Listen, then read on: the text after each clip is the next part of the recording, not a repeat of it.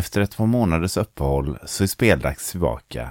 Och idag har jag med mig Adam och vi ska som vanligt prata om Switch. För nu är det speldags.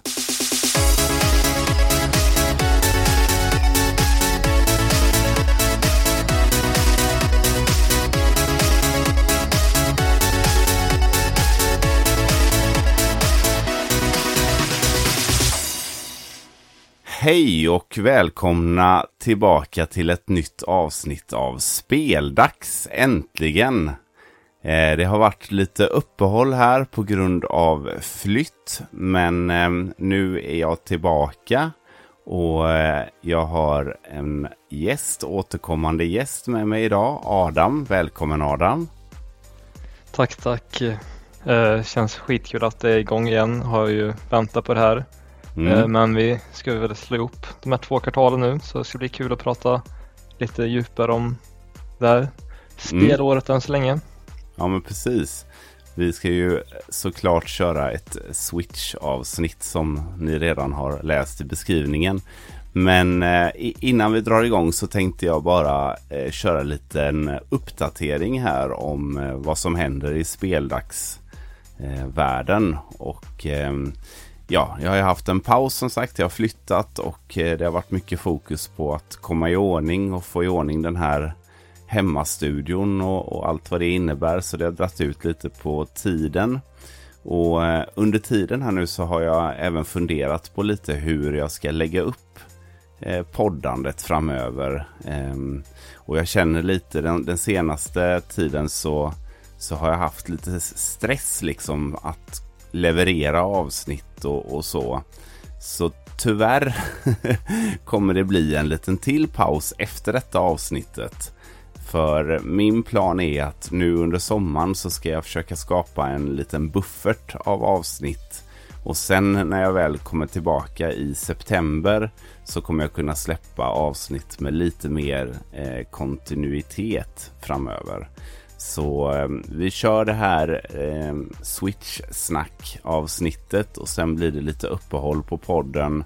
Eh, och sen är jag tillbaka till hösten och då med eh, lite buffert så att jag kan släppa avsnitt åtminstone med, med någon typ av eh, ja, kontinuitet helt enkelt. Men för att eh, ge lite eh, positivt också så har jag som sagt byggt i ordning en liten studio här. Eh, det är inget avancerat men det har, gör möjligheterna för mig att eh, Youtuba mycket bättre. Så där kommer jag dra igång lite mer och köra lite mer Youtube-avsnitt nu under sommaren och framåt. Eh, Så att ni som saknar podden kan ju prenumerera på min Youtube-kanal och den heter ju också Speldags podcast då. Eh, och där de kommande avsnitten som jag har planerat då är det mina senaste spelköp. Eh, och sen är det fortsättning på Wii U, hur det går med den samlingen så blir det även ett nytt avsnitt av mina senaste prylar som var väldigt eh, populärt. Och sen har jag även tänkt att dra igång en eh, Switch-video. ja, vad säger man? Ja, en Switch-videoserie. Eh, år för år med mina spel. Så alltså alla spel från 2017 och sen 2018, 2019 och så vidare. Och den videon kommer också nu under sommaren. Så att eh, helt utan speldags blir det inte. Utan eh, Youtube nu först och sen podd i höst. Men nu Adam får du komma in igen så ska vi snacka lite Switch här idag helt enkelt. Härligt, härligt. Kul med uppdatering kring speldags där också. Eh, Mm. En rekommendation är att ha notiser på så man direkt kan gå in och kolla videon också. De kommer brukar jag göra. Så man eh, ja, kan gå in och kika, se fram emot lite videos och kika på. Just Bra det. idé där med årtalen är det så här att du kommer köra dem Alltså när de kom ut liksom, alltså blev releasade eller när du själv köpte dem. Nej, exakt. Jag kommer köra kronologisk ordning så att eh, i den ordningen då, som de släpptes så första spelet blir ju Breath of the Wild då såklart eftersom det var release-titel och så framåt liksom. Jag tänkte att vi har funderat länge på hur jag ska liksom ja, visa upp min Switch-samling. Och alfabetiskt blir ju svårt för det tillkommer ju hela tiden spel som hoppar in emellan. Så då tänkte jag det här år för år, det blir ju bra för att jag är nog ganska färdig med, med 2017 och 2018 och framåt där spel. Eh, det är inte så jättemånga gamla spel, eller gamla spel, men det är inte så många spel från, från de åren som jag är ute efter liksom. Det börjar ändå bli gammalt där 2017. Mm. Sex och ett halvt år sedan den kom ut snart. Det är lång tid. Mm. Ja, jag, jag, kände det nu när jag sa det 2017. Det är ändå länge sedan. Ja. Att, uh, den har levt länge nu, switchen. Ja, därför alla rykten florerar kring Switch 2. Mm. Någon gång slår de väl in. det känns som vi har snackat om det varje avsnitt vi har haft. Mm. nu måste den vara på väg. Men, en dålig ja. upprepande skiva liksom. Ja, exakt. Jag tror typ vi skippar det idag och eh, tittar bakåt istället. Vad som har hänt. Men det första jag har skrivit upp på vad som har hänt hittills 2023 är Super Mario-filmen. Har du sett den eller? Jag har faktiskt inte sett den. Sen har det ju absolut inte gått att undvika eh, lite så här mini-spoilers och eh, eh, ja, vilket socialt flöde man än är i känns som har jag ju sett lite små spoilers hit och dit så jag har ändå fått ta mm. del av filmen, ja, lite grann kan man väl säga. Eh, mm. Jag tänkte gå på bio eh, på den faktiskt men det blev inte riktigt av så nu väntar jag väl på att se det på någon streamingtjänst där hemma i soffan tänker jag. Själv då? Mm. Nej, jag har exakt samma. jag, har också, jag har inte heller sett den än och eh, jag hade väl också som tanke att ja, men det här känns ju som att det vore kul att gå och se på bio men ah, det var lite svårt att lösa barnvakt kring det och Carro var väl i ärlighetens namn inte supersugen på, på att hänga med och sådär. Så att eh, det föll lite mellan stolarna och då tänkte jag också nej men nu, nu har jag liksom missat premiärveckan. Då kan jag lika gärna se den när den går att streama hemma då. Men eh, den har ju blivit enormt populär och eh, har ju redan blivit den mest eh, sedda eller mest eh, inkomstbärande eh, tv-spelsfilmen eh, någonsin. Och det blev den redan en vecka efter release har jag eh, läst här. Och ehm, det är ju jättekul. Sen har den väl fått lite blandade betyg och sådär. Men det känns som att det är ganska mycket fanservice i alla fall. Och eh, om man ser det för vad det är så tror jag att det är en underhållande film. Men jag tycker i alla fall att det är kul för att det var ju, eh, ja, på 90-talet kom ju den här live action Super Mario-filmen som eh, Nintendo helst vill glömma. och eh, sen dess har det liksom inte kommit. De har inte vågat sig på något nytt försök. Så att, eh, det känns ju roligt att det här blev så lyckat och spännande att se vad som kommer mer framöver inom filmvärlden. Ja men exakt. Eh, jag tänker på den där gamla filmen. Jag vet inte om den kom. Den kom väl i samband med var det Bros 3? Det var, början på, det var i början på 90-talet i alla fall va? Typ mm. 90, 93, jag kommer inte ihåg exakt vilket år någonstans ja, där. Jag Men tror det är den 94, kändes, 95, ja någonstans ja, där precis. Mm. Den kändes ju rätt budgeterad liksom eller vad man säger och den här känns som att de har verkligen lagt lite resurser över bra skådisar, snygga animationer och sådär så att det är kul att det mm. liksom pays off. Så kanske de nu framtida tv-spelsfilmerna håller lite högre standard vad man säger. Eh, Precis. Så det ger mig hopp i alla fall att eh, nästa projekt kommer vara ja, men, förmodligen också bra med fanservice och ja, men, kanske en riktigt bra film. Eh, ja, och att man vågar kanske göra lite annat också. Super Mario känns ju så himla givet, men det hade varit kul att se ja, någon film från någon annan tv-spelserie eller sådär. Som, som kanske inte är lika stor, men som ändå, om man ser att det här funkar så pass bra så så kanske en mindre känd spelserie ändå går bra också liksom. Typ en Metroid-film med lite Alien-vibbar typ. Ja, exakt. Det hade ju varit skitkul att se.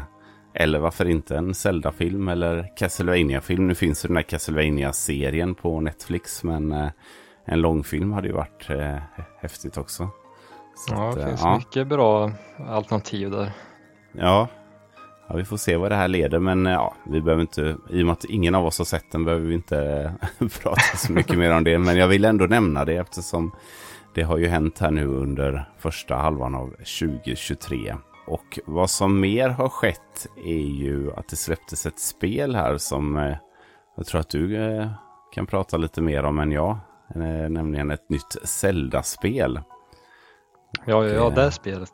mm, ja, precis. Är det något du har testat eller? ja, det har jag inte testat, men det har faktiskt kört en hel del. Ja. Ja, det, jag, jag kommer ihåg, jag tror jag skrev det till dig när det kom att jag skulle iväg typ någon dag eller två efter releasen.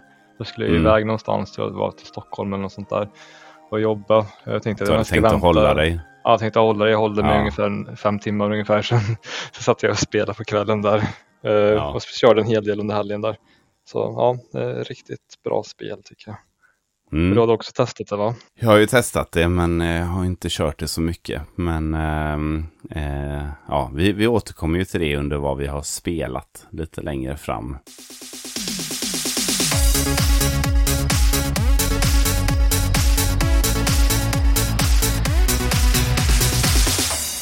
Vi kan hoppa över på Directen som var här då den 21 juni. Eh, som kom lite från ingenstans. Och det är ju så Nintendo gillar att göra med sina Directs. Att eh, man hör ingenting och tänker nej det kommer väl ingenting nu då under den så kallade E3-tiden. Men sen två dagar innan den 19 så annonserade de att eh, jo, det kommer en Nintendo Direct. Och eh, det gjorde det. Eh, personligen så tyckte jag att den här Directen levererade ganska starkt. Eh, även om eh, jag lämnades med en del frågetecken och tankar. Men vad, vad, kände du om Directen överlag liksom utan att gå in på enskilda titlar? Överlag skulle jag väl säga, alltså för min egen personliga åsikt att det var ja, men en av de bättre Directsen mm. i alla fall. Och kanske den bästa för vad jag tycker. För min egen smak där, ja men senaste två, tre åren kanske till och med. Mm. Ja, men jag tyckte de var riktigt bra. Um, mm. Utan att gå in på någon specifik titel så. Ja, det var uh, ganska bra spridning på det och, och sådär tycker jag som, som gjorde det spännande och eh, det var ju väldigt lite av det som visades upp som hade som man hade hört om innan. Så det, i alla fall för min del så var det väldigt mycket överraskningar under den här directen och det, det brukar det ju nästan inte vara. Nej men exakt. Eh, sen eh, går man in och läser på sociala medier och följer de här eh, vissa youtubers som är väldigt inne på Switch så gick det ju lite rykten om folk som hade från Nintendo som har släppt lite information sen innan och sådär. Mm. Eh, men eh, det var fortfarande väldigt mycket surprises och så. Mm. Överraskningar och eh, ja men jag gillar ju verkligen Nintendo sett det här med som du pratade om lite förut där med att de det är ingen riktigt som vet när bomben släpps, när nästa direct släpps egentligen utan det, det kommer ju lite var och varannan vecka rykten. Ja, nu kommer nog nästa direct och så. Precis. och sen är det plötsligt händer och man hinner inte få de här jättehöga förväntningarna tycker jag Nej. när det blir så. Så att eh, ja, det är alltid spännande när det kommer en ny och jag har ingen aning om om det kommer vara ett eller flera bra spel eller om det är någon jättestor surprise, vilket jag tycker ändå de lyckades med den här gången. Mm, jag håller med. Jag har ju varit lite, eh, vad ska man säga, out of the loop under den här perioden. Så jag har ju liksom inte följt så mycket YouTubers och sånt där. Så jag har ju faktiskt missat de här ryktena. Så för mig var det väldigt mycket nytt. Ehm, men vi har ju skrivit upp lite, lite personliga favoriter här. Vi tänkte att vi, vi går inte igenom hela directen utan vi, vi går igenom de som vi tyckte var intressanta. Eh, och jag har skrivit upp tio stycken tror jag och du hade något liknande sa du va? Eh, ja, tio eller strax därunder tror jag. Ja, men i alla mm. fall ungefär samma. Vi får se om många vi har som samma då. mm. Men eh, jag kan börja med det första jag skrivit om i, i kronologisk ordning här. Och det första som eh, intresserade mig det var ju det här Persona 5 Tactica. Jag gissar på att du har skrivit upp det också. Den är uppskriven ja. Ja.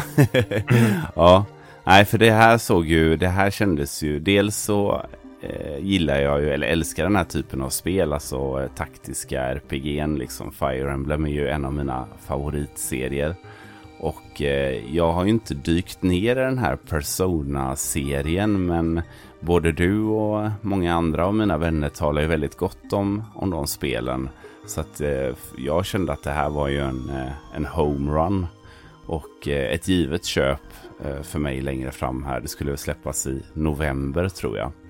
Eh, och det såg ju, var ju väldigt snyggt och eh, det bara det kändes som ett givet köp helt enkelt och ett eh, kul sätt att komma in i spelserien också. Vad, eh, vad kände du för det?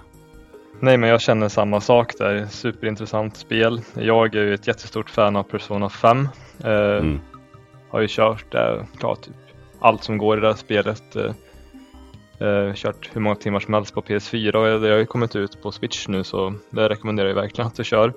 Eh, mm. Sen vet jag inte, jag har inte läst på någonting om det här att taktika, om det är liksom kopplat till storyn om man behöver köra Persona 5 först eller inte, det vet jag faktiskt inte. Eh, men det såg väldigt trevligt ut, det såg ut att vara ett bra och välgjort eh, strategispel. Jag gillar även grafikstilen på det. Mm. Mm. Liknar ju lite samma typ av cell shading som Persona 5 har men uh, lite mer åt det barnsliga hållet kanske men jag gillar ändå, ja. ändå Lite gulligare man ska säga. Ja exakt, lite gulligt och ja. sådär. Ja. Sen har det kommit hur många spin-offs som helst. Det finns ju typ en mer åt Warriors-stilen.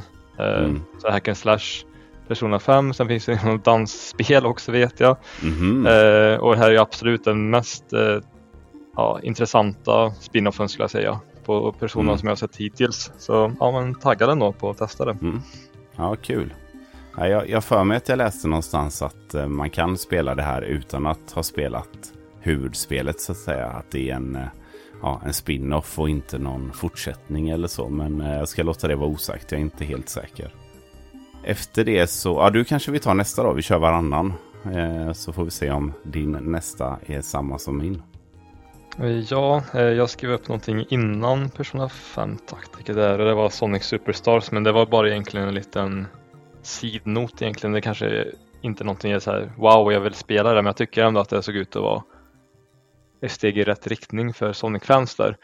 Mm. Uh, sen är jag inte det största Sonic-fanet själv, jag tycker de är lite småroliga men uh, jag brukar tröttna ganska fort på, på dem jag väl har testat. Jag tror inte jag har klarat ett enda Sonic-spel faktiskt utan jag, jag har kört en hel del tycker lite halvkul med sånt där. Jag kanske kör två timmar och sen eh, next typ sådär. Mm. Men jag tycker ändå det såg snyggt ut. Ja, jag håller med.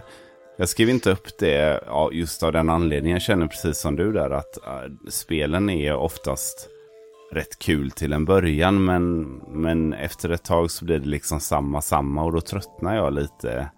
Och sen har inte jag riktigt den starka nostalgiska kopplingen till Sonic. Så att då blir det liksom inte ja, det blir inte samma driv för mig att fortsätta. Men, men jag håller ändå med om att det såg kul ut.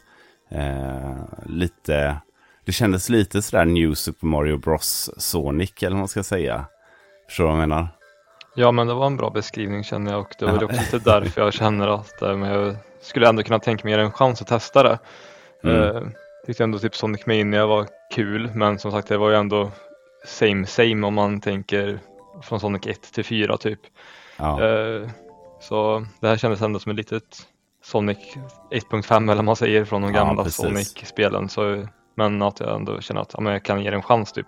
Det är säkert kul men är det tillräckligt kul för att Betala och, 599? Ja men exakt, betala ja. fullpris och kommer man få ut x antal timmar för den slant man lägger på spelet. Jag vet inte faktiskt. Men Nej. Ja, kanske testa. För mig, för mig så känner jag, hade jag haft typ eh, Xbox och Game Pass hade det varit ett perfekt spel som jag hade kunnat ta hem en helg när man har, ja men typ om du är på besök eller sådär och så spelar man det lite tillsammans medan man sitter och tjötar typ.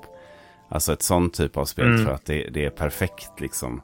Men eh, att sitta och nöta det själv, det tror jag inte är riktigt lika roligt för mig personligen i alla fall. Så att, eh, men jag, jag, håller ändå med om att det, det känns som ett steg i rätt riktning på något sätt för 2D Sonic. Ja, jag ringer ifall det kommer på Playstation Plus. Mm, perfekt. ja, men nästa spel som jag skrev upp var Myth Force. Och det var också med som en, en side-note. Jag tror inte jag kommer köpa det, men kommer du ihåg vilket det var eller? Myth Force, eh, nej jag tror faktiskt inte det. Vilket var det? Nej. Men det var det här som såg ut som en, eh, de beskrev det som en Saturday morning cartoon. Alltså som en eh, typ He-Man såg det ut som. eller de här gamla liksom Ja, just det. 80-90-tals eh, tecknade serierna. Och så var det i First Person View då. Eh, sen tror jag att det var liksom online och, och lite så. Men eh, jag tyckte ändå att det var ett eh, roligt och häftigt eh, koncept liksom. Och en, en kul variation då med den här grafiska stilen. Så att eh, jag kände att jag ville ha med det bara för att eh, belysa variationen som vi ändå fick se här i, i directen. Liksom. Och det var inget jag hade hört om innan heller. Så att, Nej, exakt. Det var helt nytt och det var, såg supersnyggt ut, det håller jag med om. Mm. Jag fick inget Mm. riktigt grepp om vad det var för typ av spel. Nej, Eh, inte men, jag eh, heller. Det såg väldigt intressant ut tycker jag, så här, som du säger med grafikstilen och så. Mm. Eh, Det är något man ändå kan ha ögonen på längre fram. Ja, men precis. Eh, Nästa spel jag skrev upp var, och det är nästan 100% på att du har skrivit upp, och det är Super Mario RPG-remaken där. Yes. Jajamän. Eh, Och det var faktiskt riktigt hypad eh, när jag såg det här spelet faktiskt. Har du kört eh, originalet? Jag har aldrig kört det, det fanns ju inte Nej. i Europa när vi var små. Nej, det stämmer. Det kom väl bara ut till USA och till Japan där. Så Mm. ja, jag spelade aldrig när det begav sig. Sen har ju det här spelet aldrig funnits, vad jag vet i alla fall, på någon typ av sån här e-shop. Eh, Vad jag vet. Eh, Så är det första gången det kommer ja, men tillgängligt för oss i Europa. Mm. Vad- Ja, det vad har faktiskt funnits, eh, jag tror både på, i alla fall på Wii U vet jag att det eh, går att, eh, eller gick att köpa digitalt och originalet Ja, okej. alltså. Ja, eh, men det, det kan nog, det är nog lätt att, att missa. Men jag tror inte att det kom på Wii, men det minns jag inte nu, här och nu. Men på Wii U vet jag att det finns, och, eller har funnits då att köpa tidigare. Men, det- men det är ju fortfarande stort att det kommer över hit och är en ny fräsch eh, remake. För att det, det var ju en riktigt snygg eh, grafisk stil. De hade ju ändå varit trogna till originalet men liksom i en eh, ja, modern tappning. Så att eh, det var ju väldigt eh, ja, kul och att de gick, har gått så mycket all in på det tycker jag. Ja men verkligen en perfekt eh, typ av remake. Det är i alla fall vad jag tycker är en perfekt remake. Eh, Mm. När det, så, det känns som att det är väldigt troget originalet som du säger. På att det är riktigt uppflashat med Mm. grafiken och eh, det ser ut som ja, men det ser ut som exakt samma spel bara modern version av det. Och Exakt. det gillar jag verkligen en remake. eh. Så jag har ju haft det på min liksom to playlist eller man säger ja, hur många år som helst. Jag hade tänkt att det här Mm. måste jag spela någon gång. Mm. Eh, Men eh, jag har inte riktigt fått chansen och det är skitkul att det kommer nu eh, senare i år och det är ju ett must-buy som vi brukar säga. Ja, precis. Ja, men det är svårt också, alltså när man har så mycket nytt att spela till, för din del, både Playstation och eh, Nintendo, så är det svårt att prioritera in ett eh, retrospel sådär, tycker jag i alla fall.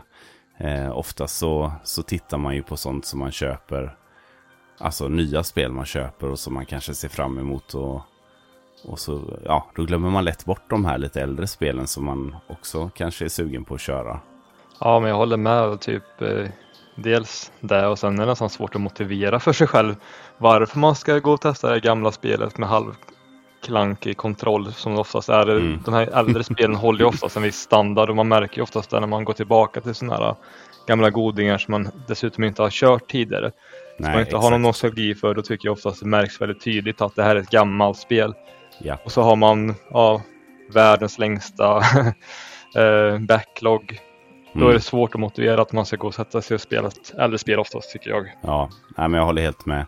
Det här är ju faktiskt ett spel som, jag hade också med det såklart på min lista. Jag, tycker, jag är jättetaggad på det här.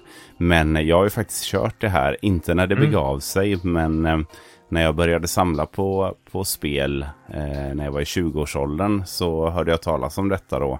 Och eh, köpt, nej jag köpte det aldrig, jag spelade det på emulator gjorde jag.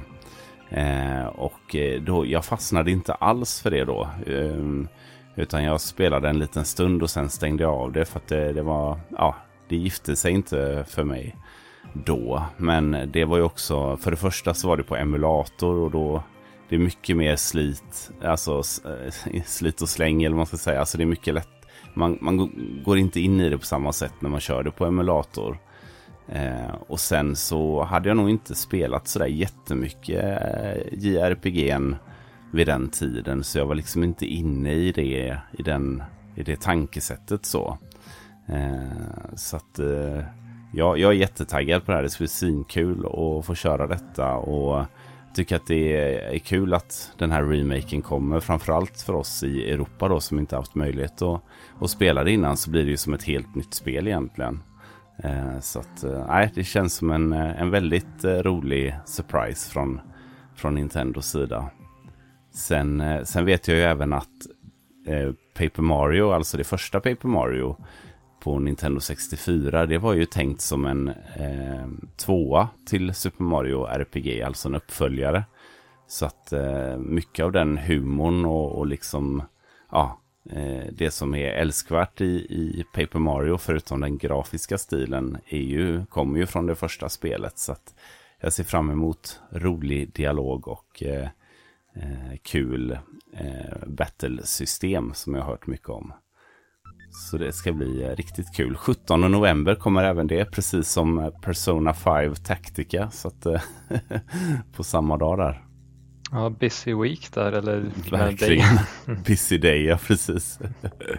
Så vi får se vilket det blir som man kör först. Jag skulle nog gissa på Super Mario för min del. Ja, men det blir nog prio på det. Um, men intressant är det som du säger att det är liksom en uppföljare på Alltså Paper Mario en uppföljare där. Jag tror mm. det är sånt där som jag också vet nu när du sa det men man tänker inte riktigt på det. Det Nej. känns som att det är lite olika typer av spel och så. Sen kom det ju ganska mycket senare, kommer väl typ år 2000 eller något sånt där. Dock kommer ju Mario RPG ganska sent. Eh, I Super Nintendos liv? Ja, exakt, ja, exakt. Det var väl därför det inte kom till Europa tror jag. För att man var redan, hade redan börjat blicka framåt mot Nintendo 64 där tror jag. Så att, uh... Ja, jag kan inte exakta datum så, men jag tror det kommer väl till och med samma år som uh, Super Mario 64. Och då kan mm. man ändå förstå att uh, det var hype på andra ställen så att säga.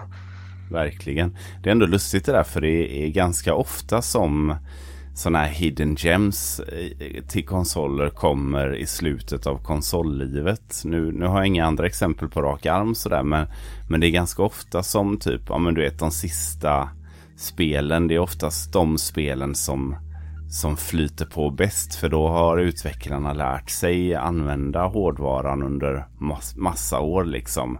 Eh, så de spelen som kommer precis innan nästa konsol brukar oftast om, prestera väldigt bra liksom. Eh, alltså inte försäljningsmässigt utan på prestandamässigt. Så att eh, många hidden gems kommer ju faktiskt i, i slutet av konsolernas liv. Så att ja, det är lite en, en curse att släppa spel sent. De är oftast jättebra men säljer inte lika bra tyvärr. Ja, det är ju väldigt risky som du säger ja. där och um, ja, det om man kör sån här multi-release att man releasar cross-gen, alltså på båda generationerna.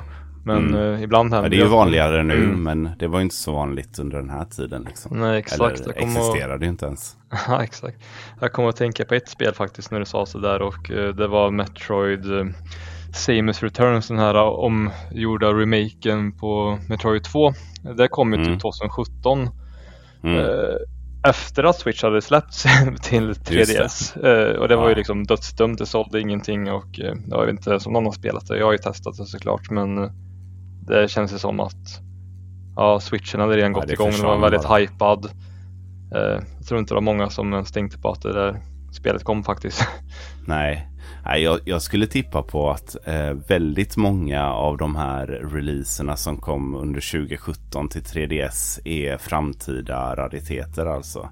Jag tror att eh, sam, samtliga 3DS-spel som släpptes där sista, sista året, eh, många av dem kommer vara dyrgripar eh, om eh, 5-6 år liksom. Det är jag rätt säker på. Jag har ju sett det att den Samus Returns där, den samlingsutgåvan stick, har ju börjat sticka iväg rätt rejält i pris nu. Så att, eh, det är nog många som har missat de spelen faktiskt. Ja, så har de inte sålt så mycket så då stiger det i pris. Mm, nej men precis, då finns det inte så många i det vilda så att säga. Nej, exakt. Men apropå eh, releaser till 3DS så hade jag faktiskt skrivit upp eh, Detective Pikachu Returns. Den hade inte du med då på din lista? Uh, nej, uh, nej, det är inte. Nej, för den var innan Super Mario RPG där. Nej, för att eh, jag har inte kört det på, på 3DS. Där det släpptes ju också sent i konsolens liv. Jag minns inte om det var innan eller efter switchen hade kommit. Men sent var det i alla fall. Så jag, jag, har ingen koll på det spelet. Jag har ingen koll på filmen heller. Men jag tyckte ändå att det här såg väldigt charmigt ut.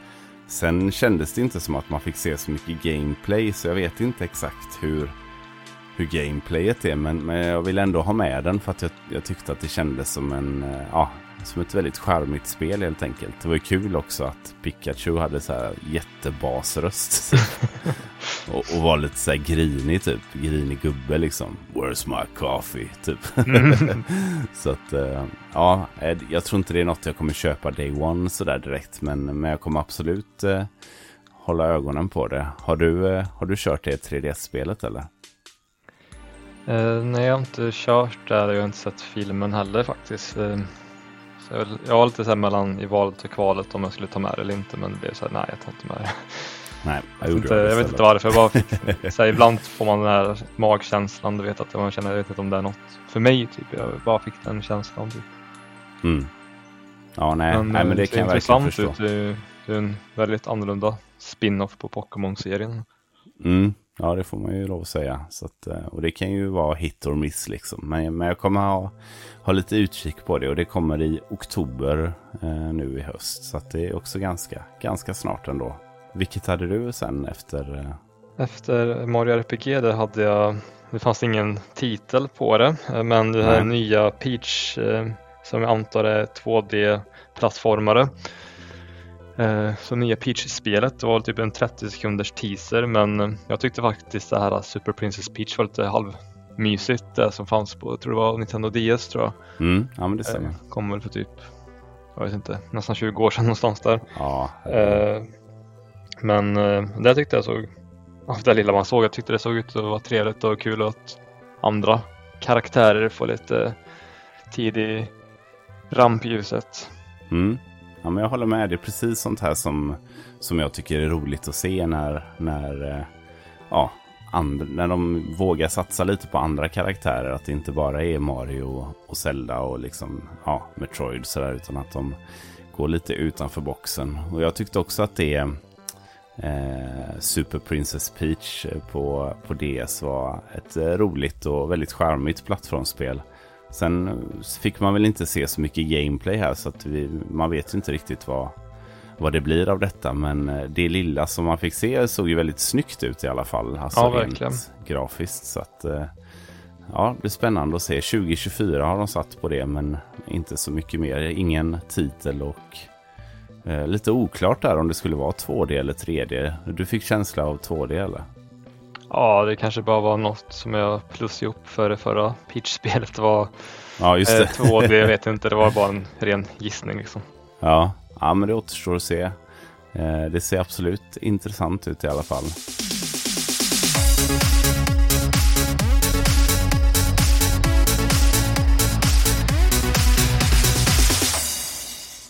Efter det så skrev jag upp Luigi's Mansion 2. Det kanske du också gjorde? Ja, det gjorde jag. Ja. Har du kört det eller på 3DS? Eh, ja, men det har jag gjort. Eh, det heter ju mm. Dark Moon tror jag de hade i själva directen i USA, men det är typ två här i Europa. Mm. Även Japan kanske, jag vet inte, men det är ett annorlunda i USA av någon anledning.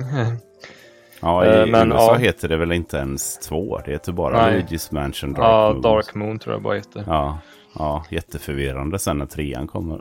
ja, exakt. ja. Nej men uh, ja, jag spelade till 3DS. Jag tycker nog att det kanske var det minst uh, roliga av de tre Luigi's Mansion-spel som finns. Men jag tycker verkligen de är skitroliga. Speciellt mm. trean tyckte jag var riktigt bra till Switch. Mm.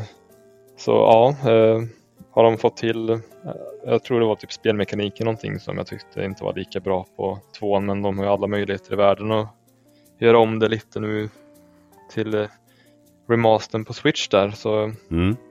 ja, men det ser jag fram emot. Jag gillar verkligen de här Luigi's Mansion och de brukar oftast vara ganska korta de spelen. Ja. Ganska kort story och, så, och eh, det är skönt att bara kunna köra lite kortare spel ibland. ja, verkligen. Ha något som man faktiskt har möjlighet att beta av på en, en kortare period. Jag, eh, Ja, exakt. Ja, jag, jag tyckte precis som du att trean var magisk där. Så att, eh, kan de bara tweaka det här lite för att eh, matcha trean lite så, så tror jag att det kommer bli kanon. Och eh, kul också med, med spel som kommer över till switchen så. Ehm, så att, ja, nej, det ser jag fram emot. 2024 skulle det släppas, precis som Peach där då. Ja men exakt, alltså, nu, nu minns jag inte vad det var jag störde mig på i gameplayet men jag kan tänka mig att det kan vara något sånt som uh, i den här uh, remastern på The Legend of Zelda Wind Waker så var det ju någon Mm. sån här, de hade gjort lite tweaks för att det skulle bli, flytta på bättre i gameplayet. Det var någon Just det. collectathon grej i main questet. Mm. Eh, Det var något liknande tror jag störde mig på. Så man kan ju faktiskt bara göra små, små tweaks på samma spel så blir det mycket mer lättspelat och så. Så att eh, får de bara till det så tror jag att det kan bli en väldigt kul återupplevelse där på tvåan. Mm, ja men precis, bara en sån sak att man har två analoga spakar på switchen som man faktiskt inte har då på 3DSen tror jag gör stor, stor skillnad faktiskt i, i hur det flyter på och så. Ja exakt och köra stor skärm på ett sånt Mm, extremt läskigt skräckspel också. Ja. Det gör ju mycket. ja, det gör det verkligen. Bra för känslan. Mm, kusliga stämningen där men det är faktiskt lite små kusligt ibland. Ja, ja, jag håller med. Det är lagom, lagom läskigt. Sen eh, efter det så är det ju du som har skrivit upp nästa. Eh, vad kan det vara? Kan det vara Pikmin kanske? det, det kan vara Pikmin, det stämmer. Ehm, och eh, jag skriver bara upp det här som en liten parentes men bonus att Pikmin 1 och 2 också släpps. Eh, Mm. Jag tänkte att jag ser det lite som en sidnot till Pikmin 4. Mm. Eh, jag har ju faktiskt inte spelat trean. Eh, Jag körde typ ettan och tvåan en del på GameCube. Men jag har Mm. inte kört trean. Alltså jag är ingen sånt där jättefan av Pikmin. Jag vet inte. Men eh, jag tycker ändå att det är så pass kul att jag ändå vill ge det en chans på fyran. Det verkar ju ändå hänt lite del på gameplay-fronten där. Lite nyheter i hur man, vad man kan göra i själva spelet och så. Eh, sen såg det ju snyggt och mysigt ut också som de, Mm. de spelen brukar göra. Ja, men Har du precis. några tankar kring spelet? Ja, alltså jag, jag älskade ju ettan och tvåan. Jag körde ettan Mm. på GameCube eh, i stort sett när det begav sig. Jag var kanske något år sen på bollen, men det var, det var ganska samtida sådär. Och sen eh, tvåan körde jag faktiskt på Wii, den här eh, Mm. New Play-versionen som jag tyckte var jätterolig. Eh, både spelet i sig men också eh, tyckte tyckte att det flöt på väldigt bra med, med eh, Wii-motesen och det här. Eh, men jag har inte heller kört trean eh, något vidare eh, så. Det har liksom eh, fallit emellan lite. Jag har kört det lite grann på Wii U då. Eh, inte kört det på Switch. Jag har det inte ens eh, på Switch faktiskt. Men eh, nej, jag är väl... Eh, ja, jag känner, känner väl ungefär samma som du. Att jag är lite sådär lagom taggad på fyran. Eh, jag tycker att det är skitkul att serien lever vidare. Och, och det nya spelet ser ju både fint och mysigt ut. Så att eh, det, det kommer nog bli ett eh, köp. Inte day one tror jag inte. Men, men det kommer nog bli ett köp lite längre fram. Sen är det ju kul att ettan och tvåan kommer som dessutom fysisk release. För den släpptes ju direkt där digitalt då. Men nu under sommaren det kommer ju faktiskt en, eller om det var i september så kommer det en fysisk release av, av ettan och tvåan. Så det är ju jätteroligt eh, tycker jag. Det är framförallt nu med tanke på att både ettan och tvåan är ganska dyra att köpa om man vill spela dem idag. Så, eh, så är ju det eh, positivt tycker jag. Så, eh, mm. Och fyran är väl ute nu när det här avsnittet eh, släpps skulle jag tippa på. 21 juli eh, släpps det. Efter det så hade jag skrivit upp Pennys Big Breakaway. Hade du skrivit upp Ja, det? vad kul. Jag skrev också upp det faktiskt. Jaha! Det var en riktig så här indie 3D-plattformare va? Mm, apropå, du nämnde ju Sonic Mania här tidigare och det är ju den studion eller de som har gjort detta spelet. Och eh, det var lite roligt för när jag kollade på Directen, jag, jag såg den live då. Eh, och när det här dök upp så fick jag bara, av någon anledning så fick jag sådana här Knights-vibbar. Eh, Kommer du ihåg det till eh, Sega Saturn? Det släpptes även på Wii. Ett Sony, eh, vad heter det, Sega-spel.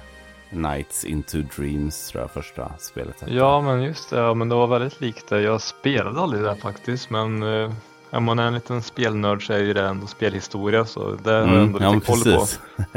ja, jag fick direkt sådana vibbar och tänkte undra vad det här är liksom. Och sen så sa de ju då From the creators of Sonic Mania typ. Och då, då tänkte jag, ah, ja, då, då, då gav det sig. Men jag tyckte det såg skitkul ut. Det var 3D plattformare med lite 2D-element ibland. Och, alltså väldigt charmigt och färg, färggrant ut. Så att, äh, det blev jag väldigt taggad på faktiskt. Ja, men jag håller med och eh, visst, det har kommit en del 3D-plattformar tycker jag, men det här var nog en av de mest intressanta jag sett på switchen på länge när det gäller mm. 3D-plattformare, mm. tycker jag. Mm. Ja, men jag håller med och jag tycker ju Alltså ser man på indiescenen och sådär så är det ju ganska mycket 2D som kommer. Eh, så att eh, 3D-plattformare har ju någonstans fallit mellan stolarna lite kan jag tycka. Så att eh, ja, jag brukar alltid hålla ögonen öppna när det dyker upp något sånt. Och det här såg ju väldigt kul ut och välgjort. Och Sonic Mania har ju blivit hyllad av både Sonic-fans och även de som inte är så att säga Sonic-fans. Så att det känns ju som att det här kan bli en riktig hit när det väl släpps. Ja men exakt, det har ju släppts några bra 3D-plattformar på indie-sidan där, typ som Yooka mm. och grejer. Just men det var ju mm. ganska länge sedan. Jag, jag tyckte i alla fall mm. det, var, det var ju väldigt eh, buggigt och sådär det spelet, men jag vet att jag fick kritik för det, men jag tyckte det var skitkul det här spelet. Mm. Eh, det kändes verkligen som man kom tillbaka till eh, ja, Nintendo 64-dagarna och det är väl Just det. Det kom ju väldigt mycket 3D-plattformar till 64 just och det kändes lite som att ja, men, det här osade lite den tiden av 3D-plattformar, tänker jag. Mm, ja, men jag håller med. Det var liksom färgglatt och eh, kändes sådär härligt liksom. Så att, eh, det ser fram emot. Det släpps tidigt 2024. Eh, var det enda de skrev. Då, då har jag bara ett spel kvar på min lista. Hur många har du kvar? Jag har ett spel och jag kan nog gissa vad det är för spel som du har kvar. ja, ja, det kan eventuellt vara samma. Eh, yes, och då har vi Super Mario Bros Wonder och jag antar att det var där du hade. Jajamensan, det var det. Eh, första, vad hade du först, första tanken när det dök upp på skärmen? Trodde du att det var ett New Super Mario Bros-spel då, eller vad trodde du? Eh, jag kommer inte ihåg exakt vad jag tänkte när det dök upp på skärmen, så men jag, jag tror jag fick den känslan bara på någon enstaka sekund. Gud, det här är Super Mario Bros 2D. Mm. Eh, alltså var något ljud i bakgrunden som jag bara fick känslan av att det här är Mario 2D-spel liksom. Eh, sen satt jag mest eh, gapa hakan lite och så försökte bara ta in själva spelet för första tanken var så här, okej, okay, nytt 2D-spel. Eh, sen började jag liksom fatta att men det här är ju inte New Super Mario Bros längre, så de har kört ända sedan 2006 faktiskt. De har ju bara mm. kört den typen av Mario-spel eh, på 2D-sidan då. Mm. Eh, samma stuk av Mario, samma design eller man säger, som man har tröttnat lite på i det här laget. Eh, kommit typ fem spel eller något sånt där, eh, tror jag. Eh, så när jag väl insåg det tänkte jag, men gud vad kul med något nytt. Sen såg mm. det väldigt innovativt ut, säkert mm. det mest innovativa sen Super Mario World faktiskt. Ja, faktiskt. Ja. Eh, så det ser även väldigt trippat ut skulle jag säga, som att mm. Mario har, det är många som har sagt det på nätet vet jag, som man har faktiskt har börjat käka de här svamparna som flyger omkring. Just det. Och, mm. eh, men jag gillar verkligen det skarpt och det var riktigt snygga animationer var det.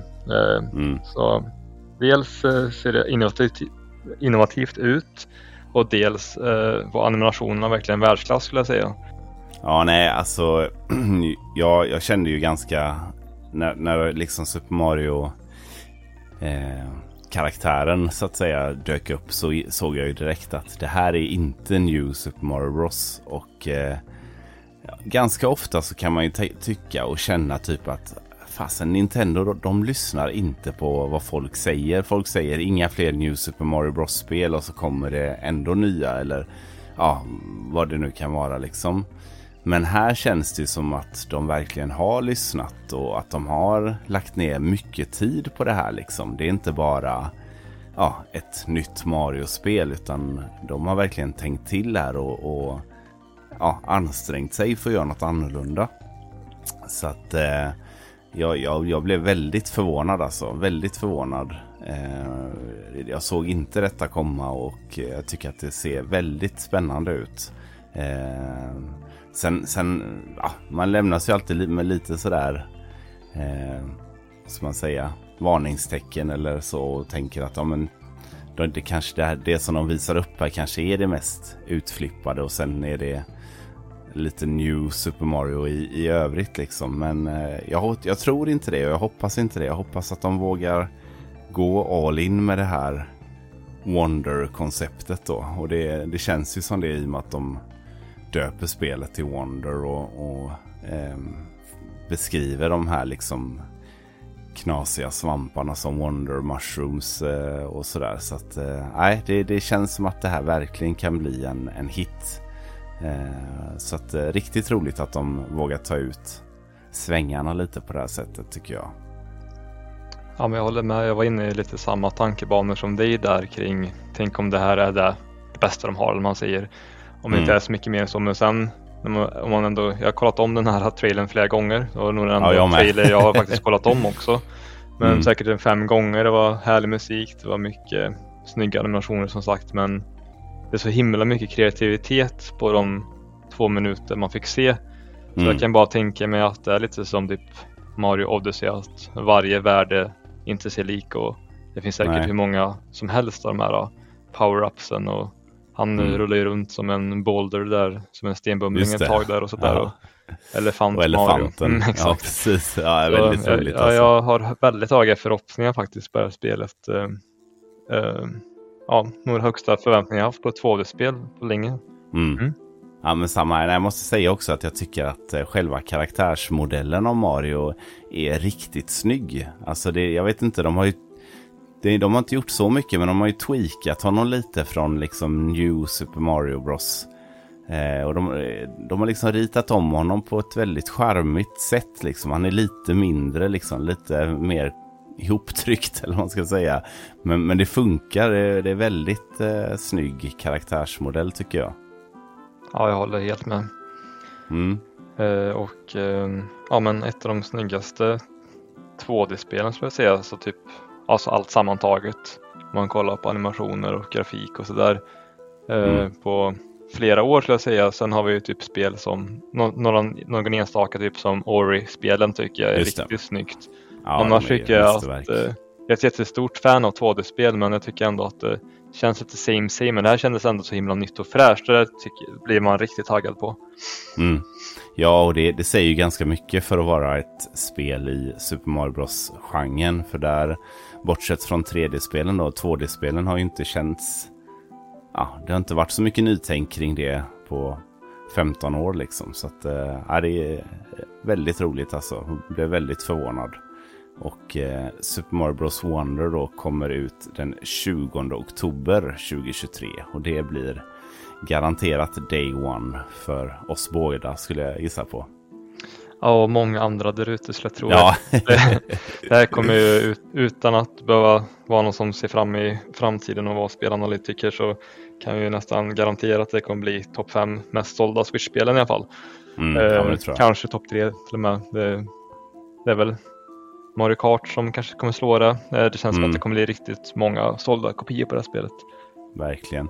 Känns väldigt vältajmat nu också med filmen för eh, 2D-spel kan ju både nya och eh, gamla fans, alltså unga och gamla eh, spelare. Jag tror att det är många som har återupptäckt eller hittat kärleken med Super Mario med den här nya filmen. Eh, och eh, i samma veva då så kommer det, eller kort därefter då, ett halvår efter, så kommer det ett nytt 2D Mario-spel. Så att jag tror att det är väldigt vältajmat så sett också med filmen där. Så att eh, det kan nog boosta försäljningen en del faktiskt tror jag. Ja men exakt, boosta försäljningen, sent i livscykeln på Switch. Det, det har ju sålt 130 miljoner och kommer, det är ju precis inför vad heter det, alla holiday season, Mm. julafton och så. Ja. Så det är ju verkligen perfekt timing som du säger, filmen och sen slutet av Switch eh, livscykel där. Så ja, det kommer bli riktigt många kopior och boosta Mm. Switch ytterligare en period där. Ja, ja det är, de krämar ut mycket den här stenen. Ja, vi, eller vi och vi, jag trodde i alla fall att eh, ja, men nu är det över liksom. Men det känns som att Mm. ja, de kommer hålla igång 2023 i alla fall. Helt klart det är mycket nytt och fräscht på gång eh, Ja, under ja, jag, jag har delen. bara gett upp. Jag har bara gett upp tanken om att ens tänka på Switch 2. Det är bara så här, nej, de, de kommer bara fortsätta med Switchen. Det, det känns som att, jag vet inte, men det är, ja, det här har jag sagt varje år. Men nästa år måste, måste det komma en ny konsol alltså. Eh, Men eh, ja, det återstår att se. Jag tänker att vi, vi har spekulerat mycket kring det tidigare. Ja, Ja. men överlag då, vad tycker du om eh, själva directen? Om du får säga något sista ord om den då? Mm. Ja men alltså utöver de här spelen som vi tog upp nu så, så var det ju faktiskt väldigt mycket bra. Det var ju mycket som, som jag ändå tyckte såg kul ut. Även om det inte var spel för mig personligen så fanns det mycket bra spel och mycket spel som såg roliga ut. De här som jag skrev upp eh, nu det är ju de som har intresserat mig mest personligen då.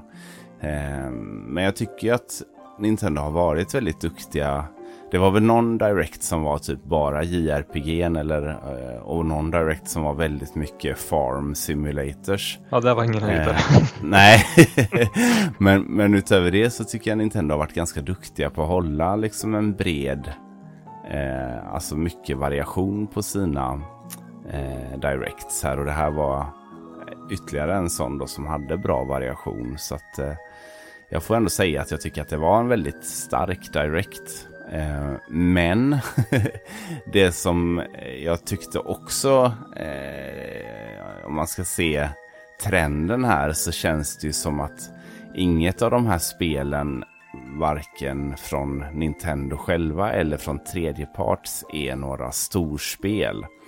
Eh, de från Nintendo själva, Pikmin 4 kanske kan räknas som ett storspel men det har ju varit på gång länge.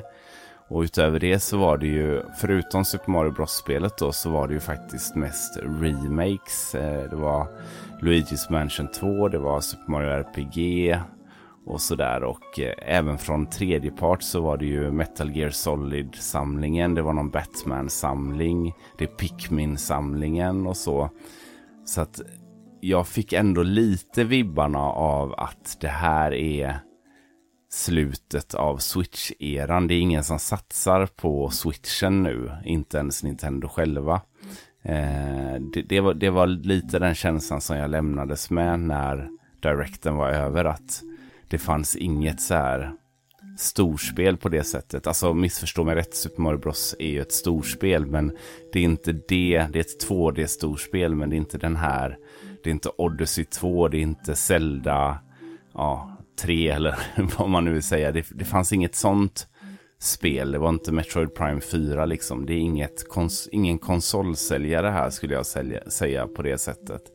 Så att um, jag, jag kände nog ändå efteråt att det var en svinbra direct för alla vi som, som älskar Switch och har en Switch. Men jag, hade det här varit liksom första året så hade jag nog inte varit lika imponerad. Jag förstår vad jag menar? Eller andra Nej, året men jag kanske, förstår rättare helt. Ja. Så att, eh, nej, så, så jag, jag, samtidigt som det var mycket bra och mycket rolig variation så var det samtidigt då stark känsla av att det är början på slutet för, för den här generationen liksom av Switch. Vad, vad kände du?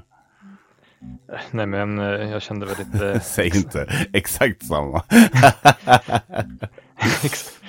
Eh, nej, men eh, jag är inne på dina banor där om eh, att det kändes som slutet av eh, switchen. Det här med typ att Super Mario Bros Wonder såg superkul ut, superbra, superinnovativt.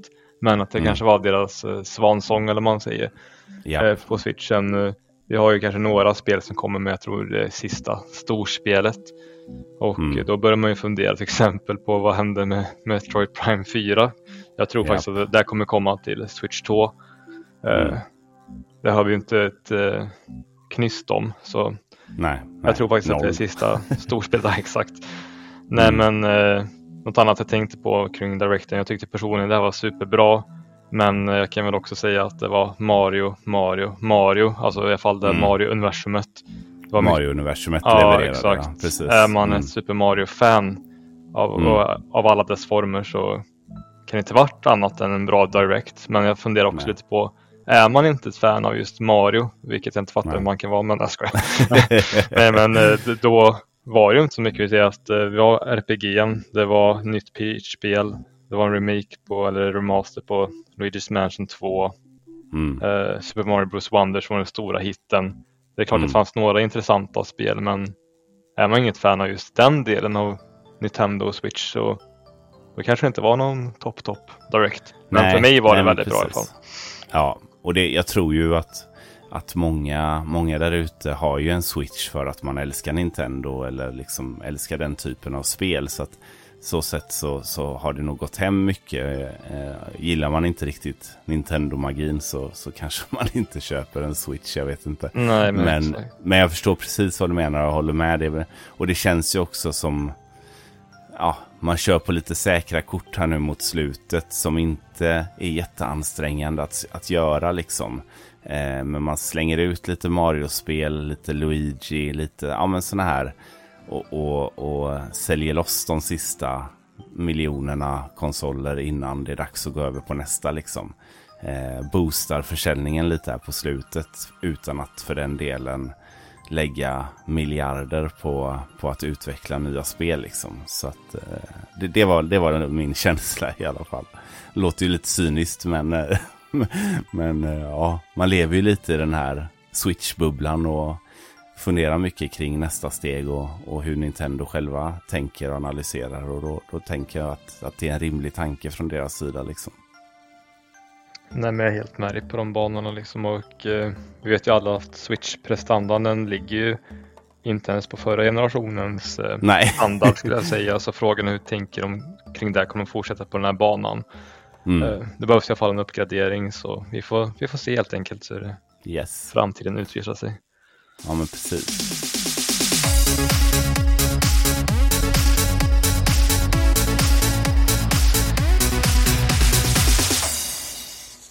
Innan vi går vidare på vad vi har shoppat och spelat så tänkte jag bara att vi lite snabbt skulle gå in på Limited Run Games presentation som de hade nu för någon vecka sedan. Eh, för att eh, jag kände att jag, jag, måste bara nämna det lite snabbt. Eh, har du sett den förresten? Eh, ja, eh, kul att du frågar för jag såg faktiskt den, jag tror det var igår tror jag. Mm, ja. En, två dagar senare, eller jag vet inte exakt när den kom ut men jag kikade Nej. faktiskt på den i alla fall. Ja. Jag fick ju en liten hint för du skickade ju något spel. ja.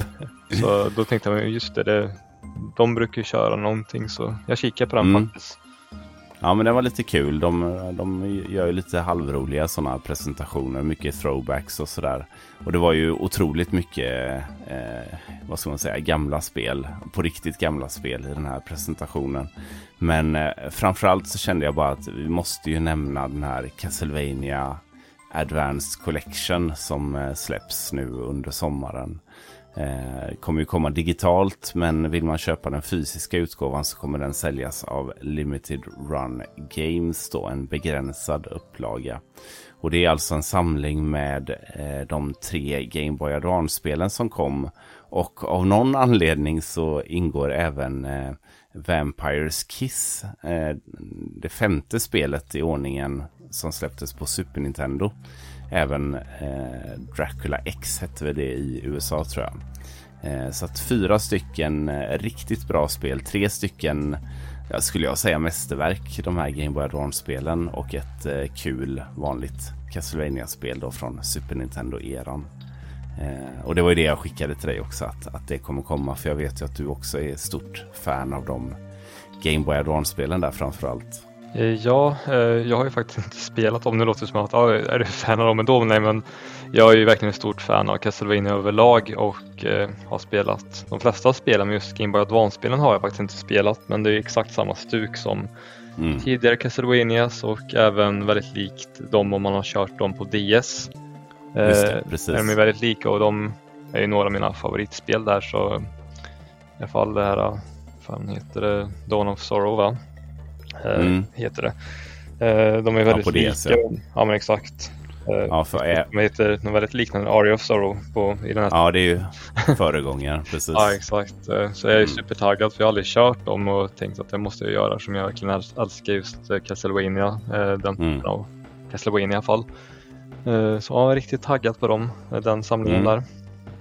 Ja, det är kul för de är ju svindyra om man ska köpa dem till Game Boy Advance idag. Så det är riktigt kul att de kommer upp och ja, köra på tvn på switchen liksom. Ja, jag, jag, jag har kört alla tre faktiskt eh, när det begav sig och det är tre riktigt bra spel. Harmony of Dissonance är väl kanske det lite svagare av de tre då. Men annars tycker jag att de är riktigt grymma och eh, Aria of Sorrow där är ju ett av mina favorit Castlevania. Så att, eh, det blir väldigt kul att spela igenom det igen. Så eh, ja, för er som också gillar de spelen, håll utkik där på Limited Run Games hemsida nu under juli månad. Slutet av juli tror jag det var. Eh, sen skulle jag bara nämna lite snabbt här också att eh, det kommer ju Turtles-soundtracken skulle ju Limited Run släppa på CD, vinyl och kas kassett.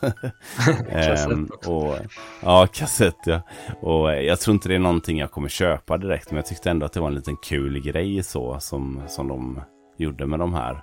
Eh, sen tycker jag väl att de mjölkar det lite väl när de ska släppa alla alla de här första spelen på individuella CD och vinyl och så vidare. Att, ja, man kanske mjölkade lite väl mycket men eh, det är väl Limited Run kända för i dagsläget. Eh, så.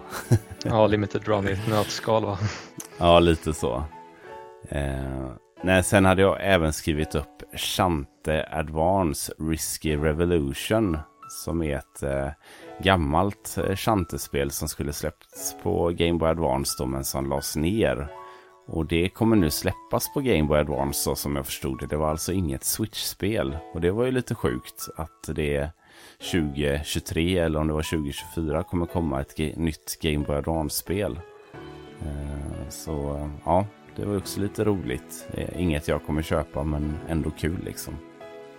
Ja, jag håller med. Inget jag heller kommer köpa och damma av Game Boy Advance kanske. Men ja, det är kul grej att ett så gammalt spel som ändå var nedlagt blir återupptaget och släpps nu så här 20 år senare. Mm, ja men precis.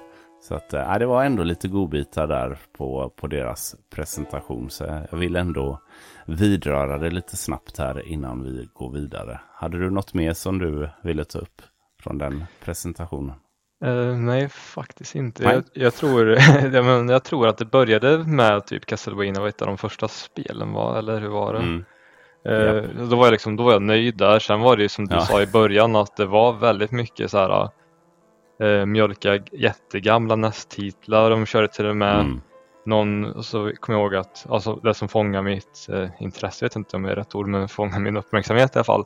Var typ som att det var någon spirituell successor till eh, de här Zelda-spelen till CDI och då undrar vem vill ens spela? De var ju sämst ja, liksom, nej. så vem ja, vill spela dem? Jättekonstigt. Så, ja. Vissa är verkligen så konstigt, det är så nischat liksom att eh, och eh, en 3D-version. Ja exakt, en 3D-version av det här Plumbers vs. Ties. Ja. Eh, som är känt för att vara ett riktigt jäkla dåligt spel liksom. Så det var bara, varför ska man köpa de här gamla kultspelen? Nyversioner av dåliga spel liksom. Det känns bara Nej. märkligt liksom. Så, ja. Men det var ändå kul direkt. Det är, ju det är annorlunda saker och spel som släpps men en, det är verkligen mycket mjölkning också. Mm. Ja men precis. Men det är ändå kul att de finns, alltså bara, bara för att se de här, ja men den här castlevania samlingen liksom. Bara en sån sak tycker jag gör att allt annat är värt det liksom. För att eh, jag tror aldrig att eh, Konami hade släppt den här utan Limited Run faktiskt. Eh, de verkar ju typ ha lagt ner att göra spel. Ja. Så, att, eh, så, eh, så om Limited Run kan hjälpa till att få ut sådana grejer så, så kan de få göra hur mycket trams vid sidan om som helst för min del. Ja, men jag håller med. Det är ju ingen som tvingar oss att köpa tramset liksom. Så. Nej, nej precis.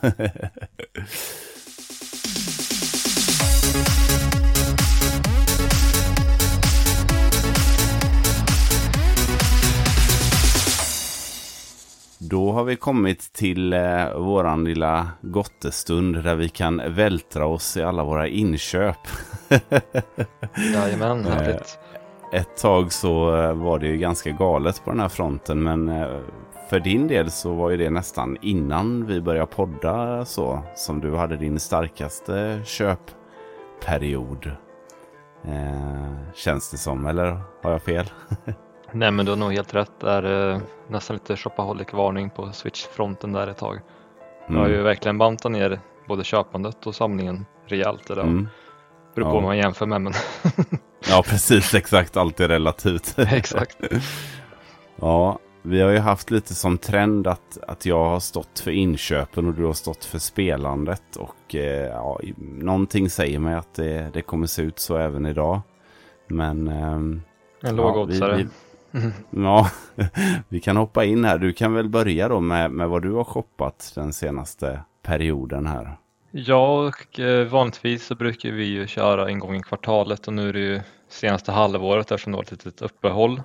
Och det var väl Mm. tur så, så att, eh, för då har jag lyckats samla på mig lite för det har varit väldigt skralt för min del. Um, funderar lite på vad det beror på. Vi har ju varit inne på det tidigare, typ att dels är det väldigt sent på livscykeln för Switch. Det kommer inte lika mycket. Eh, Nej. jag kollar på historik lite på hur mycket spel kommer det till Switch och ehm, det var, det var ett väldigt högt inflöde av nya spel överlag till switchen från 2018 till 2022 och, och eh, det kanske är en tredjedel som har kommit i skillnad 2023 till exempel. Så det är inte så konstigt att det blir mindre inköp faktiskt. Nej. Men eh, några highlights eh, har jag. Sen kan det ju vara också lite som vi har varit inne på att, att det har varit en hel del eh, remasters och remakes och sådana grejer. Och har man spelen sen tidigare eller, eller så så kanske det inte blir att man köper dem igen heller för den delen. Så att eh, eh, ja, det, det finns många faktorer i det. Ja exakt, och dels det och dels så till exempelvis så har ju varenda bra indiespel eh, ja, men, tryckts till en fysisk utgåva. Eh, Mm. Och det är inte så att det kommer ett bra indiespel, stort indiespel i veckan utan det är många av de här spelen som har kommit senaste 15 åren på Steam eller någon annan typ av plattform och nu släpps tidigare eller senare på switchen. Så det är ju inte konstigt att man någon gång har kommit ikapp eller vad man säger. Så Nej. Ja, precis. Ett tag så var det liksom, det fanns sånt stort lager av grymma indiespel som, som kunde komma som fysisk utgåva. Vissa var fem år gamla och vissa var äldre än så till och med. Eh, men sen kom de liksom ikapp det och då, då blir det ju, blev det inte lika, lika stort habegär där skulle jag tro. nej, men exakt så Nej. är det. Och eh, på tal om indiespel så kan jag ju dra igång med mitt första spel där. Mm. Jag köpte tidigare i år och eh, eh, det är Death's Door. Är det någonting du har hört talas om? Mm, jo men det är det. Det är väl det här eh, lite ja, snett uppifrån gamla Zelda-spelen Vy va? Ja, exakt. Eh, Ja. ja, men exakt. Lite snett uppifrån så. Lite åt Zelda-hållet, lite Dark Souls-liknande gameplay. Eh, Mm. Men det är också Atei skulle jag säga. Jag vet att det jämförs lite med de två eh, typ av spelen och visst det har några likheter men det är ju inte det är ändå sin egna grej tycker jag. Mm. Ett eh, väldigt bra indiespel, någonting som jag kommer prata om lite senare vad jag har spelat sen. Så jag behöver Mm, inte gå kul. närmare på det. Sen det andra Ja, spelet. det- ja, Det släpptes väl, det släpptes ju som sån begränsad upp, upplaga först av Special Reserve Games. Och då vet jag att vi pratade om det. Eh, det. Det var väl under tiden som vi shoppade ganska mycket du och jag. Och då vet jag att vi pratade om vi skulle köpa det. Men jag tror att vi, vi skippade det bägge två. Och sen kom det som retail under förra året tror jag. Så att, eh, ja men det jag antar att det är nog. den, den vanliga utgåvan du har köpt så att säga. Ja exakt. Eh, En, Mm. Den vanliga eh, PAL-utgåvan som dessutom är billigare och mer lättillgänglig för oss som bor Mm. i Europa. Där. Ja men perfekt. Ibland eh, lönar det sig att vänta. Oftast inte, men ibland. Ja, exakt. Och det känns som att eh, det är fler och fler spel som har släppts både till retail och eh, limited upplagor.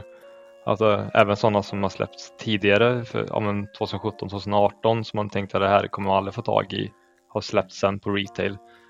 Eh, Celeste är väl ett sådant exempel som går för typ Exakt. 1500-2000 kronor eller något och så helt plötsligt går det Mm. att få tag i på retail. Då, så. Ja, det är ju svinbra. Det, alla borde kunna köpa allt igen. Ja, egentligen. Mm. Det är inget sunt eh, att det släpps begränsat från början men sen förstår Nej. man ju konceptet. Eh, Mm. Ja, Såklart det verkar ju vara bra, en bra affärsidé så sett. dels affärsidé och många av de här spelen kanske man inte hade sett överhuvudtaget så i fysisk upp. Nej, precis. Nej. Eh, andra spel där som jag vet att du också har eh, är Fire Emblem Engage som vi pratade om i förra eh, avsnittet tror jag för då hade det ju eh, när vi pratade lite om någon direct där, där det hade visats tror jag. Just det, precis. Eh, ska vi se. Jag har spelat många av de här spelen så jag tänker bara rabblar upp vilka jag köpt där. Mm. Eh, nästa spel eh, som är ett av mina favoritspel genom tiderna faktiskt eh, och en remaster som också kom som en sån här klassisk Nintendo Shadow Drop. Mm. Och det var Metroid Prime Remastered. Just det. Eh, Ja. Det var ju så här bara, Det var ja, men jag lite kände av en direkt- överraskning. Ja, en överraskning där. Jag kände att ja, jag, jag har nog aldrig varit så snabb med att veta att jag var, ja, det här måste jag ha direkt eh, på fysisk upplaga. Det har verkligen varit ett av mina favoritspel genom tiderna skulle jag vilja säga. Mm. Det gav ett väldigt starkt intryck när jag spelade för 20 år sedan där. Mm. Så det inhandlar jag.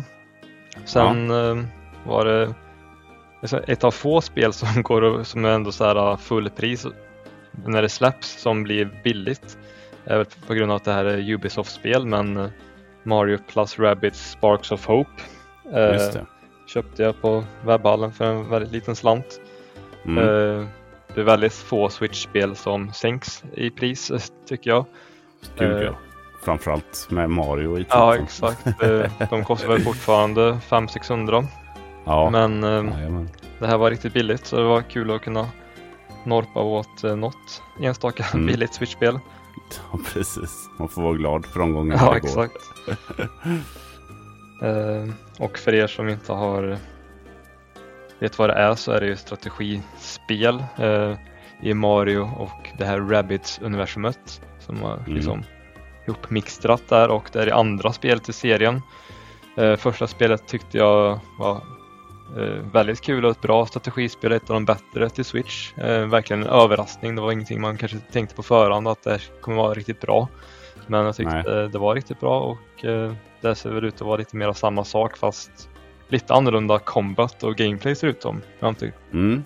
Ja, inte precis. jätteinsatt men det ser ut att vara lite annorlunda så det ska bli spännande att se om det är bättre, sämre eller lika bra eller man säger. Ja. ja, nej, men det, det är roligt för att eh, det första spelet eh, var, var ju verkligen en bubblare. Jag är ju inte jättestort fan av de här Rabbids-spelen överlag då, men det här var ju en, en annan take på det som jag tycker gick, gick hem. Eh, riktigt bra spel i första. Och eh, ja, vi får återkomma till det andra lite senare kanske. Ja. Eh, Mm. Det är sånt där, typ, det är kul att du är inne på det här med rabbits. Det är nog någonting jag inte skulle tåla om det bara var rabbits. Jag vet inte, jag Nej. tycker inte de är jätte... De är mer störande än charmiga eller vad man säger. Ja, Eh, ja och exakt. Hade det bara varit dem, nej, jag hade aldrig spelat det spelet faktiskt. Men på någonstans, någonstans blir det bara, det blir rätt charmigt när de kommer och inkräktar i Marios universum av någon anledning. Mm. Ja, men i balansen där så funkar det väldigt bra tycker jag faktiskt. Ja. Men eh, för sig själva blir det oftast för mycket kan jag också tycka. Ja men exakt. Eh, Nu ska vi se. Nästa spel är någonting som jag har sett fram emot eh, väldigt lång tid. Ända sedan det utannonserades eh, för några år sedan och det är ju Zelda Tears of the Kingdom. Mm. Eh, Och det är ingen eh, skräll här men jag kommer prata mer om det sen på vilka jag spelat. Jag har spelat en hel del så det kommer ni föra mer om sen. Mm. Och ett sista spel, ni har ju det varit typ ett i månaden i snitt och det är ju väldigt lite för mig. Men det har som sagt varit lite skralare med inköp men ett sista spel som jag fick bara någon dag nu innan vi spelade in här är Ocean Horn 2 Knights of the Old Realm. Mm. och Eh, ja, det är ett Zelda-liknande spel som jag knappt kommer ihåg att jag beställt för det var typ, vad var det jag sa, det var typ nästan ett år sedan jag beställde det tror jag. Från Limited ja. Run eh, Games där och eh, de har ju blivit segare och segare. Det är också en av anledningarna till att vi beställer mindre spel från mm. USA och så. Ja, för det, det känns tar längre och längre tid. Ja. tar längre och längre tid, det blir dyrare och dyrare. Mm. Eh, ja, det finns flera anledningar, jag behöver inte gå in på det idag men ja, det är lite segt tycker jag. Man, så här, man, jag har ju hunnit tappa hypen för det här spelet så säga så att vi får se om jag testar det längre fram där. Ja, för samtidigt som vi var inne på eh, här för en stund sedan så, så kommer ju flera av de här indiespelen som vanlig retail. Så att när, när det kommer så pass mycket ändå, vilket, alltså även om det har minskat så kommer det ändå mycket bra liksom. Man behöver inte leta efter bra Switch-spel så eh, då alltså drivet att beställa från de här amerikanska sidorna minskar ju med tanke på att det ändå trillar över så pass mycket här i Europa som det är liksom. Så att eh, ja, jag var lite sugen på det här Oceanhorn 2. Jag har ju ettan där som är lite mer top, top down view som typ um, Link's Awakening där. Men den här tvåan ska väl vara lite mer av en Breath of the Wild-klon för att uh, använda en lat jämförelse. Uh, men jag, ja, jag skippade faktiskt det. Eh, just för att jag tyckte att det blev för dyrt med, med tull och allting sånt. Ja, eh, jag tycker din lata jämförelse där duger helt och hållet. Eh, så man ja, förstår tack. skillnaden, skillnaden ja. mellan de där. Eh, första var lite mer åt Wind Waker-hållet också i stilen skulle jag väl säga. Ja, just det. Ja, men mer 2D-hållet typ. Mm. Ja, men det var dina inköp då? Det var mina inköp. Ja, ja men vadå, det är väl Så... ändå okej. Okay. helt okej, okay. godkänt. Ja, helt okej. Okay. Ja, precis. Eh, nej, men det var ändå bra inköp skulle jag säga, de få inköp jag gjort. Jag är väldigt nöjd av de få spel jag köpt. Mm. Ja, och någonstans är det det som är det viktiga. Alltså hellre att köpa kvalitet än liksom att bara samla på sig liksom. Eh, jag har ju, vi kan gå över till mina inköp. Jag har faktiskt också shoppat lite mindre och det dels av samma anledningar som du men också för att jag har shoppat ett hus. Så eh, har jag fått hålla lite mer i stålarna helt enkelt. Eh, men lite spel har det blivit, några fler än, än Hem till dig, men inte jättemånga fler. Eh, men jag har ju också köpt då eh, Fire Emblem Engage och Mario Rabid Sparks of Hope. Jag shoppade också Sparks of Hope på någon rea där. Jag vet inte om det var samma rea kanske eller så. Men, eh, men det, det var också runt 200 spänn tror jag jag gav för det. Så det var väldigt uppskattat. Eh, sen har jag också köpt Metroid Prime Remastern där och även Zelda såklart. Tears of the Kingdom.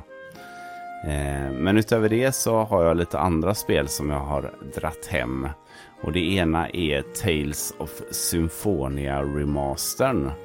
Eh, och det var faktiskt lite av ett impulsköp från min sida för att eh, eh jag älskar ju originalet som släpptes på GameCube då.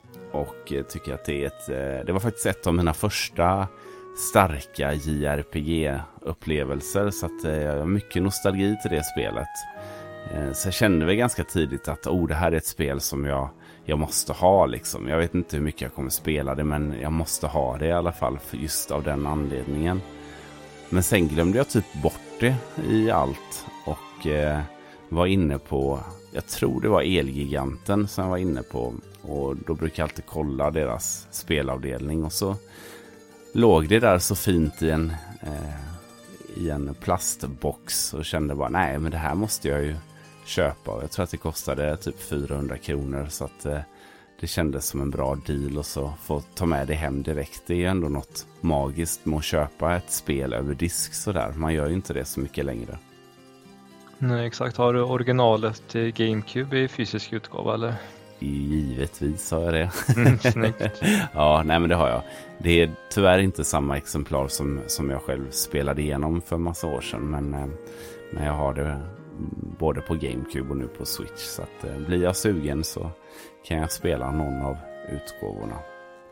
Ett annat spel som jag fick hem ganska nyligen var Trover Saves the Universe. Är det något du känner igen? Eh, ja, jag känner igen det. Ska vi se, det var... Är det också någon 3D-plattformare typ eller? Ja, men jag, jag har inte riktigt... Eh, vi diskuterade detta tror jag när det, när det skulle släppas. Det är från eh, Limited Run Games, men det släpptes för några år sedan. Då. Jag hittade detta på i en Facebookgrupp och eh, han sålde det ganska billigt, eller väldigt billigt skulle jag säga. Och det är ju skaparen bakom Rick and Morty, den tv-serien som har gjort ett spel. Och jag älskar ju den tv-serien så jag kände att eh, för den summan som han ville ha så var det värt ett, eh, att chansa liksom.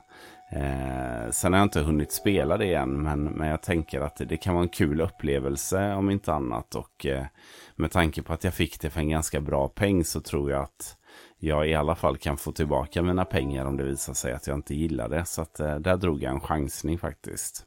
Ett annat spel som också är ett eh, Limprint-spel som jag har fått köpa till i efterhand är Flynn Son of Crimson.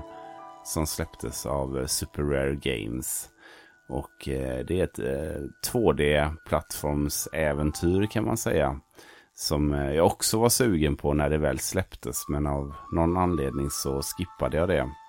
Och det dök upp på Tradera för en eh, ja, OK peng. Så det har jag också köpt hem så här i efterhand. Eh, det är lite kul här för att när du och jag började köpa sådana här Limprint-spel och så, eller Limited Run och Super Rare Games, så var det väldigt sällan man såg de spelen på Tradera eller sådär. Men eh, nu tycker jag att de dyker upp, ja, inte alls ovanligt liksom. Så att eh, man märker att det har spridit sig väldigt mycket det här med att beställa därifrån. Det känns som att, det är klart att vi inte var ensamma i början, men det känns som att det var mycket ovanligare för eh, fyra år sedan typ än vad det är nu.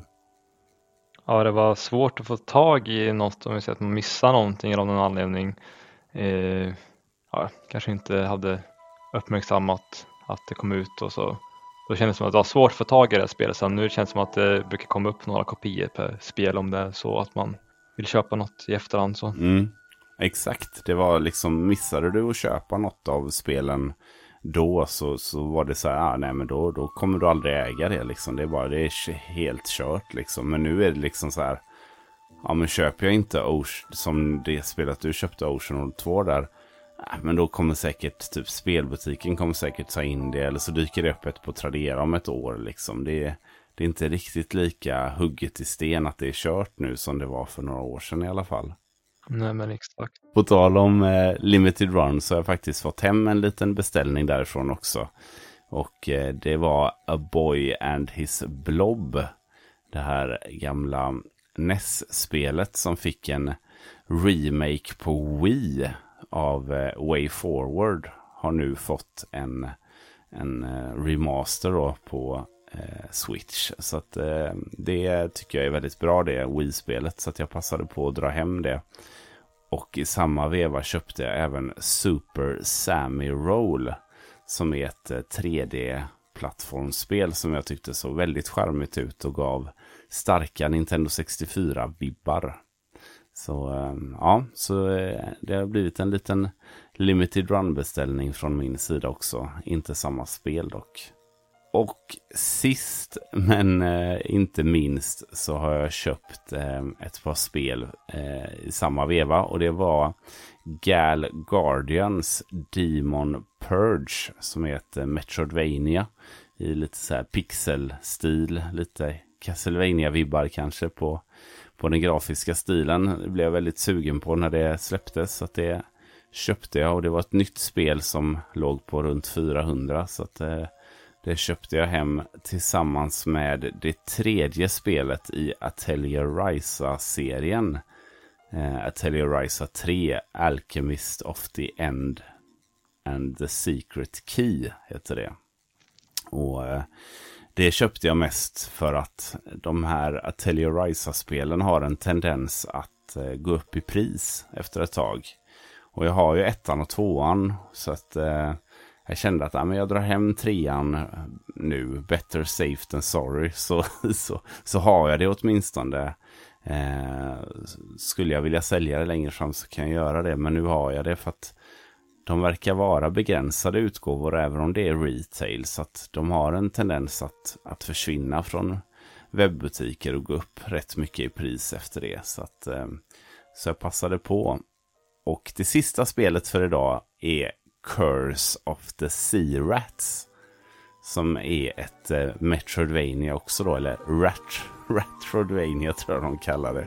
Ja, just det, men det har jag hört. ja, som, som ser otroligt eh, snyggt och charmigt ut. Så att eh, det, de tre spelen köpte jag i, i, samma beställning där när jag tror det var när skatteåterbäringen kom och jag kände mig lite rik. Så att eh, det var lite fler spel än du hade, men jag skulle ändå säga att det är lite färre spel än, än för att vara eh, ett vanligt halvår i, i mitt eh, Switch-liv. Då. Så Hur många att, eh, kom du upp i där till slut? Jag har inte räknat. ja, det var fler än eh, sex i alla fall som jag hade köpt. Ja, det var det. Det var väl en 10-12 stycken något sånt. Så att, eh, men jag, jag, känner ändå, även om jag har inte testat alla här, men jag tycker att det är överlag väldigt hög kvalitet på det jag har köpt. Eh, så så att jag, jag, är väldigt nöjd med de här inköpen. det, är inte, det är inte så många frågetecken den här gången. Så att, eh, nej, jag, jag är nöjd. Eh, nej men det låter bra, så det, det, är lite samma här så det känns som att båda har köpt lite samma stil. Att det kanske är så många spel du och jag köpte på, en, på ett kvartal och inte ett halvår tidigare. Mm. Eh, men att båda har liksom ja, bli lite bättre på att eh, inte gå med det här FOMO-tåget och köpa varenda Nej, spel precis. som är lite intressant. Eh, Sådana 50-50 spel. Ja, lättare att säga nej till det där kanske och eh, det är rätt ofta sådana där spel har jag märkt så här tidigare att är det sådana här 50-50 det är rätt ofta att det blir åt nej-hållet sen eller att det säljs längre fram faktiskt för min del. De här man är mm. tveksamma på. Eh, att det ändå inte blir något som stannar kvar i samlingen så att säga. Nej men precis, och det är, det är väl också någonting när man är inne i det där som du och jag var ett tag. Vi, vi, dels så tror jag att vi hetsar varandra lite, även om det inte var medvetet så tror jag att det blir lite så att man bara, oh de här eh, måste vi köpa och så blir det att man kommer in i det, i den liksom tankebanan liksom. Eh, så jag tror, tror att när man väl är inne i, i den här eh, sfären då, eller liksom i, den, i det mindsetet, så blir det att man hellre tackar ja än att tacka nej. För ja, man är så himla ja, inne i den sjuka världen på något sätt. Men sen när man väl kommer ur det, då, då helt plötsligt så vänder man på det och det blir lättare att tacka nej än ja istället. Eh, vilket känns sundare i längden. Så att eh, Ja, det, det, jag tror att vi har en eh, mer hälsosam syn på våra inköp nu än vad vi hade för, för ett par år sedan där faktiskt. Ja, helt klart. Dels är det sundare eh, både ekonomiskt och men även psykiskt skulle jag säga. För det är lite jobbigt mm. med FOMO, man bara känner att man behöver kanske uppdatera sig hela tiden med vad har kommit, vad, vad har kommit. Så här. Sen har det ju verkligen mm. underlättat, eh, som vi pratat om flera, flera gånger tidigare, men det här att det kommer lite Youtube-avsnitt varje vecka, vilka spelare som kommer. Jag varje tror, måndag. Ja men exakt, varje måndag på Switchwatch. Mm. Uh, tidigare tror jag det var att vi båda hade väldigt bra koll. Man fick gå runt och kolla sociala medier och uppdatera varandra kring har du hört att det här kommer. Och, uh, för det inte, de här avsnitten har inte alltid varit lyxen i att de kommer varje måndag. Jag vet inte när han började med dem, om det var två år sedan eller något sånt där. Men mm. tidigare så har ju vi haft kollen liksom och det var ju lite Själva ja, ja jobbigt nästan. Ja. Skulle jag säga. Ja gud ja, det blir som ett projekt i sig. Ja liksom. exakt. Men det tycker jag fortfarande är, är, lika roligt. Varje måndag har vi ju som tradition att eh, efter vi har kollat det så, så hör vi av oss eh, till varandra och skriver vad som, vad som lockade. Även om ingenting har lockat så skriver vi det. Liksom. Det blir som en... Ja, då vet man det. Varje måndag så hörs vi av. Och eh, då blir det ofta att, inte varje gång men ofta så, så blir det att man textar om lite andra grejer och sånt där också liksom. Så att eh, jag tycker att det är, en, det är en mysig tradition vi har att vi kollar på det på måndagar och sen hör av oss till varandra. Ja, verkligen.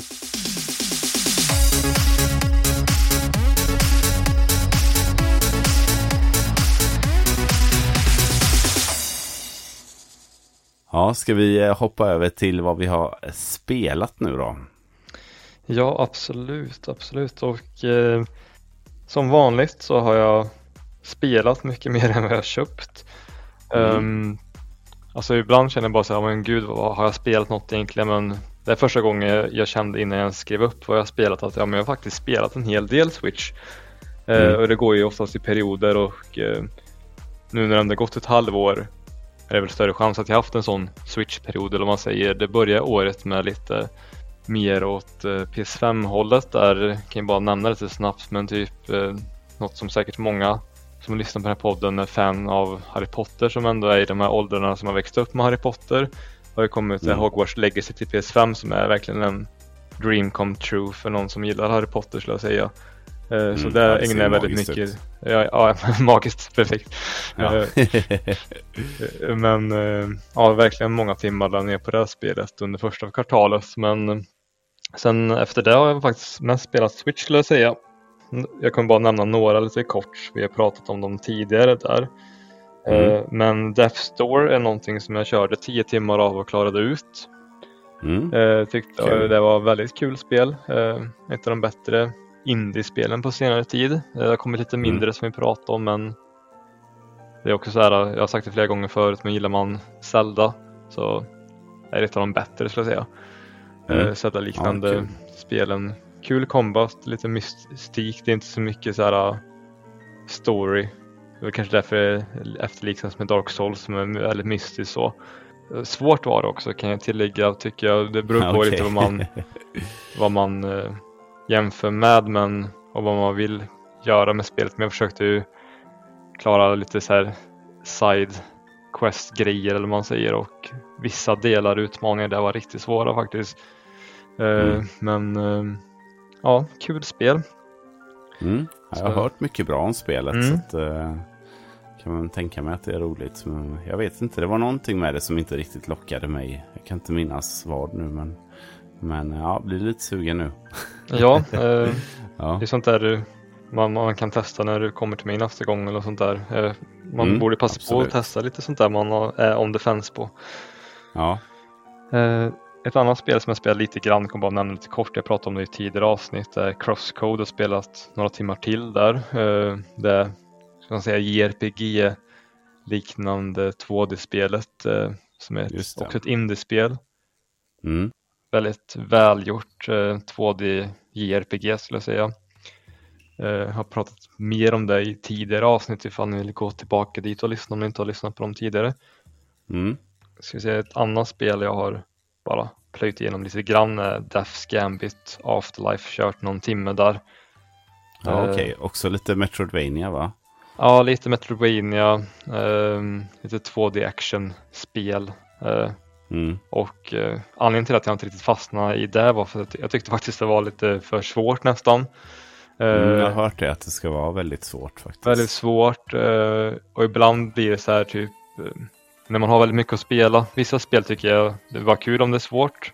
Jag har ju så här Hollow mm. Knight, vi har Dark Souls och andra typer av spel som jag bara känner att jag gärna investerar tid i. För, men då behöver det nästan vara väldigt, väldigt kul för att jag ska orka investera mig i de här svåra spelen. Så det är mm. väldigt svårt, jag känner jag har inte riktigt tid med det, då blir det att bara lägga ner det istället. Ja, jag kan känna igen mig ja. det. det blir, när man har så mycket att välja mellan så, så måste det verkligen sälja in en ordentligt för att man ska känna att man vill lägga den tiden på att nöta liksom. Ja, ja men verkligen och eh, dels har jag inte riktigt tålamodet som jag hade när jag var lite yngre. Jag körde väldigt mycket svåra spel och dels så har man inte riktigt den här tiden heller. Så det blir att man måste prioritera. Nej. Annars hade jag säkert kört klart alla de här spelen jag pratar om men man har inte tiden längre. Eh, på gott och ont. Och hade det varit så, låt säga att, alla, att ett spel hade kostat 5000 istället för 500. Ja men då kanske man hade plöjt igenom de här svåra och, och, och, så också. Men nu, nu är det ju, nu, nu har man ju möjlighet att samla på sig ganska mycket spel. Eh, eh, och då blir det ju lite mer, det blir lättare då att bara, ah, jag kör något annat istället. Typ. Ja, exakt. Um, sen har jag haft lite spelkvällar med kompisar så jag kan ju rabbla upp vad jag spelat där lite snabbt. Uh, någonting som jag också tidigare pratat om i tidigare avsnitt med Kirby and the Forgotten Land har jag kört några timmar med en kompis.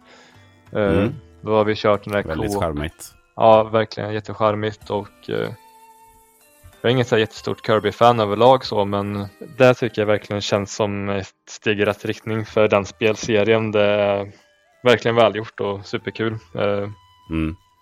Um, sen vet inte om jag skulle rekommendera det, köra co-op kanske. Det är väl inte lika kul för part 2 om man inte är Kirby själv. Det är ja, lite begränsat för den andra parten men man kan ju turas om och så. Jag tycker ändå det var trevligt att köra ihop på det. Ja. Sen eh, någonting som jag inte kört på flera år tror jag. Eh, men Super Smash Bros Ultimate har jag kört några timmar med en kompis och han bara kör lite matcher okay. mot varandra. Eh, ja. Tycker ändå det är lite kul att bara nämna att jag har spelat mm. det lite grann. Eh, det är någonting som jag tycker har varit kul ända sedan det kom ut i 1964. Jag har kört en hel del med mm. kompisar och så. Jag vet att det är ingenting du har fastnat för, men jag tror du ser nej, den charmen jag har inte förstått. Jag har inte förstått spelet tror jag. Jag vet inte om jag är trög eller vad det är, men jag, jag har inte kommit in i mekaniken helt enkelt. Sådär. Nej, eh, jag kan ändå fatta. Det är ju typ såhär. Det är ju ett väldigt specifikt typ av fighting-spel och en sån här, jag tror det till och med fått ett namn, det är väl brawler eller man säger när det är sån här i en arena liksom. Eh, men ja, ja, det är någonting som jag tyckte var kul ja, sen det kom ut helt enkelt, det första spelet i serien där. Mm. Uh, ett annat som jag vet att du har kört och rekommenderar mig uh, att spela. Uh, det är ju så här, vi brukar rekommendera varandra spel som vi redan har. Uh, låter lite konstigt kanske, men det blir så när man har väldigt många spel så kan det vara så här, vilket ska jag egentligen testa av de här spelen? Och det var ja. Blazing Chrome vet jag du har tipsat om att köra K Just det. Mm. Och det är någonting jag ja, kört. det är svinbra. Mm. Jag har kört med en annan kompis och det känns ju som en verkligen spirituell successor, successor till eh, vad heter det, Contra. Mm. Uh, gillar man det till näst då finns det ingenting att tveka på skulle jag säga. Det, Nej. det känns skitkul ja, verkligen. Svinbra. Lite, lite samma stuk som Hunt Down som ja, du och jag det. spelade också. Ja, running ja men verkligen det är ett annat spel vi rekommenderar där. Mm. Um, och nästa spel jag spelade där, det spelade jag väl kanske någon månad efter det kom ut på fysisk utgåva och det var Metroid Prime Remastered. Jag blev väldigt mm. taggad på att köra om det. Kanske ingenting jag tänkt på om det inte hade liksom kommit upp ut en remaster-version av spelet men direkt det kom kände jag att jag måste köra om det här. Mm. Uh, och uh, då tror jag jag körde 20 timmar på att klara 100% igen för jag vet att jag gjorde det uh, när det begav sig till GameCube för herrans massa år sedan. Och ja, det var, det var verkligen en kul upplevelse. Det känns som att jag nästan gick tillbaka i tiden. Det var så jag minns det liksom och det är uppgraderad både grafik och kontroll vet jag. Och det kändes mm. som att jag var tillbaka och spelade 2003 eller när det kom. Ja. Eh, men på nytt om man säger, det var ja, nästan lika bra som då skulle jag säga. Eh, och det har ju fått ja. skyhöga betyg och jag kan bara följa med i den hyllningskören skulle jag säga. Mm, ja, nej, svinbra alltså. Det, de har verkligen lyckats att göra en, en trogen remaster. Det är som du säger, det, den känns, det känns ju som originalet men det, de har gjort mycket, mycket små tweaks för att ändå förbättra det så att säga. Men eh, originalet är ju ja, det är ett mästerverk. Det, det finns, man kan inte säga så mycket annat. Nej, det finns inte så mycket annat att säga mer än att har man inte testat det så det är värt att testa. Det är ju inte som, om man, även om man inte gillar de här uh, Metroidvania-spelen, vi pratar mycket om de här 2D-spelen, det här är ju ett 3D-äventyr. Det är samma typ mm. av så här, upptäckarlust, att man, man går lite fram och tillbaka och så men jag tycker verkligen det är värt att testa. Eh, det är ju mm. hypat av en anledning. Eh, det är extremt Gud, ja. bra atmosfär, det är väldigt bra musik skulle jag säga. Ja. Eh, bra design och bra gameplay. Så ja, verkligen och bra rekommendation. pris också. Bra det är inget pris eh, också. 600 kronors spel utan jag tror det ligger på typ 450 eller något sånt Ja, men det stämmer eh, nog. Så Ja. går säkert få tag i eh, begagnat också för någon hundring mindre. Så Mm. ja, det är verkligen värt eh, priset. Mm. ja, jag håller med. Instämmer. Eh, någonting som jag inte har spelat på eh, ja, mycket alls av, men jag nu har spelat, eh, fick lite känsla efter Metroid Prime Remaster där, att jag gått in och kört lite Switch online. Mm. Eh, och eh, ja, först och främst spelar jag Super Metroid där. Och eh, det är någonting som jag inte har kört tidigare. Nähä, eh, okej. Eh, fast jag är ett väldigt stort Metroid-fan som du också vet där så har jag inte kört det. Jag hade aldrig det här spelet. Jag vet jag har en fysisk utgåva till det. Men jag hade, aldrig, jag hade inte det när jag väl hade SNESen, själva konsolen. Jag köpte den Nej. på senare år. Och så har det Ja. blivit av att jag har testat det liksom. Så, men jag vet ju att eh, det enda Metroid-spel jag inte har kört också. Men eh, så jag kände att jag måste verkligen köra det nu, nu när jag ändå är inne på det här Metroid-spåret.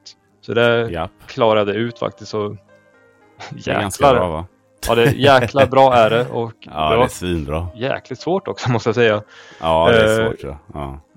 Dels så här, men mest när man ska få de här uh, 100% och få alla items och sånt där. En del är ju på så kluriga ställen så det känns som att ja, lite utvecklarna måste ha varit lite åt sadisthållet där. Det var riktigt svårt, alltså så här, perfekta hopp och jag tänkte så här, gud. Eh, för man har ju tänkt oftast ibland så här när man ska vissa items är svårplacerade och så här, men det här spelet var, det var riktigt svårt att få allting på tycker jag i alla fall. Eh, Mm. Sen kanske finns det de som inte håller med mig men det är säkert sådana som också har kört originalet eh, i 100 timmar Ja. också. ja, men säkert. Nej, men det är väl känt som, eh, som ett klurigt spel, absolut. Men det, är- det är väldigt bra alltså. Det ja, det, det känns nästan som före sin tid på något sätt. Så man kan inte riktigt fatta att det släpptes till Super Nintendo. Tycker inte jag i alla fall. Nej, nu är det ju typ en ren emulator av den versionen. Som du säger att det känns som att det lika gärna kommit, kunnat varit ett spel som var indieutvecklat 2D-spel idag. Så känns det lite. Ja, verkligen. Ja. Det är väldigt välgjort. Eh, musiken ja, men, satte ju verkligen sin prägel på ja, men, eh, serien framöver och det är det är soundtrack som de flesta gamers känner igen från kanske eh, Super Smash och sånt där. Eh, så ja, riktigt bra spel. Eh, Mm. jag kan bara snabbt nämna, nämna att jag också har kört eh, jag fick feeling när jag ändå var inne på Switch Online. Så jag körde om Zelda Link to the Past. Ja, Eh, okej. Det var länge sedan jag gjorde. Eh, och Ja. jag körde även Super Mario Bros 3 med min syster när jag var och hälsade på i Oslo där. Så körde vi Ja, igenom kul. det och klarade ut det. Så jag har kört lite så här, verkligen retro på Switch Online. Eh, Ja, vad roligt. Kul att ändå använda det när man ändå har det liksom. Ja, så jag har nog kört en 30 timmar sammanlagt på de här tre spelen och jag, ja, jag har hunnit med rätt mycket känns det som. Men eh, det jag har kört absolut mest och eh, ja, nästan lite skrämmande vad mycket jag har spelat nu när jag såg hur många timmar jag hade kört på Tears of the Kingdom, nya Zelda-spelet. och det har jag faktiskt kört 50 timmar plus av. Ja, Så shit. det känns bara så här, ja, men det har jag verkligen fastnat för. Jag har tagit ett litet break nu eh, på någon vecka här men det är också, det, jag tror det är bara fem spel jag har kört mer sammanlagt på switchen ända sedan jag köpte den. Eh, Vi, vi har ju kört, eh, som säkert du också har, alltså många så här indiespel, lite kortare spel. Eh, ja, en handfull som är riktigt långa spel men det är redan det sjätte mest spelade spelet. eh. Så ja, någonting som jag verkligen gillar. Mm. Men jag- vad känner du för spelet då? Alltså lever det upp till, till din personliga hype liksom? Alltså det har ju fått eh, svinbra betyg men, överlag. Men, men, men vad känner du liksom eh, kring spelet? Alltså ja, speltiden talar väl för, för sig självt så. Men, men ändå, vad är dina... Levde det upp till dina tankar och förväntningar och sådär? Eh, det är faktiskt en jättesvår fråga. Det blir så typ att jag kan nästan från dag till dag tänka typ så här om, om shit det här lever upp till mina förväntningar och sen en annan dag blir det, gör det verkligen det? Så jag ifrågasätter det lite så här ibland. För alltså mina förväntningar på det här har ju varit liksom ja, men, över taket eller vad man säger. Mm. Det har ju varit skyhöga förväntningar. Uh, Breath of the Wild är ju ja, men, förmodligen mitt favoritspel till Switch. Och mm. ett av mina favoritspel någonsin så typ uh, det sätter ju ganska höga förväntningar på att det här ska vara lite större, lite bättre än det också. Ja, uh, ja. Det är det på många sätt. Sen blir det också att det är lite same same på vissa delar och sådär. Uh, mm. Ibland känns det verkligen som att det är Breath of the Wild 1.5 ibland känns det som att nej men fan det är Breath of the Wild 2.0 det här. Så det är lite mm. så här tudelat där. Men eh, ja, mestadels lever upp till förväntningarna. Sen kanske jag behöver köra igenom hela spelet och innan jag kan svara på den frågan faktiskt. Eh, men alla nya spelmekaniker och så. Eh, jag behöver inte gå in i detalj på det så för jag tror de flesta som lyssnar säkert antingen spelat lite eller kollat på någon video om spelet. Och det är väldigt mycket nytt gameplay och eh, den har de verkligen nailat skulle jag säga. Eh, mm. Det är väldigt kreativt och man kan vara väldigt kreativ. Kunde man, tyckte man att man kunde vara kreativ i Breath of the Wild så är det verkligen... Är det ingenting? Nej, det är ingenting i jämförelse med här utan man kan verkligen leka runt och jag är en person som inte brukar gilla att vara jättekreativ i spel. Jag är ingen som så här, sitter och gillar de här, gör egna banor och så men här kan man sitta och bara ja, i någon timme bara för att lista ut om jag kan göra det på något annat sätt. Att jag kan liksom hacka spelet lite och sånt där. Kan jag ja. komma över den här delen utan att göra pusslet så det ska vara intended eh, för liksom, eller vad man säger.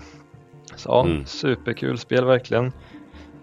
Eh, är det någonting du har hunnit testa? Jag vet att du har testat lite grann i alla fall va? Ja, jag har ju hunnit spela det lite men, men jag har ju inte riktigt haft eh, ro i kroppen att sitta och nöta på det sättet tyvärr. Eh, men jag, jag, väl, jag har spelat några timmar in och eh, eh jag, än så länge det, det som, så, så, långt jag har spelat så känner jag ju att det här, det här är en, en uppföljare till Zelda, alltså till Breath of the Wild. Jag, jag, får ju mycket, jag har inte riktigt hamnat i de här lägena där jag känner att det är eh, så att säga för likt det första eller så. Utan eh, jag tycker att de har eh, uppgraderat. Sen är det är ju väldigt, alltså det är ju inte vanligt i Zelda-spelen eller Zelda-serien att man gör en, en så här direkt uppföljare så att säga. Utan oftast så, ja, så är nästa spel ett nytt Zelda-spel liksom. Eh, jag menar, Wind Waker var ju en superhit och sen efter det kom Twilight Princess liksom. Som också var en superhit och efter det kom ja, något helt annat och så vidare. Så det, det, är inte det vanliga att eh, Nintendo gör så här med en direkt uppföljare.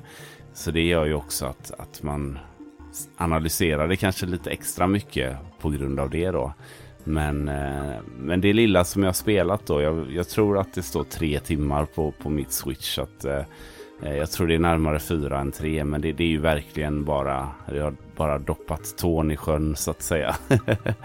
men eh, jag har ju hört otroligt mycket gott om detta och både av dig och jag har flera kollegor på jobbet som, som har med sig sina Switch och spelar det här på rasterna och så. så att, eh, nej, det, det känns som ett eh, väldigt lyckat spel och det är ju ändå en eh, ja, det är ingen dålig uppgift från Nintendo då att följa upp ett sånt otroligt spel som Breath of the Wild var liksom. Det känns nästan som att det är omöjligt att göra en lyckad uppföljare när man har gjort en sån homerun. Men eh, det känns ändå som att de har lyckats här med, med Tears of the Kingdom. Så eh, mm, jag är taggad på att kanske nu under min semester få lite mer ro och, och kunna dyka ner lite mer i, i spelet faktiskt.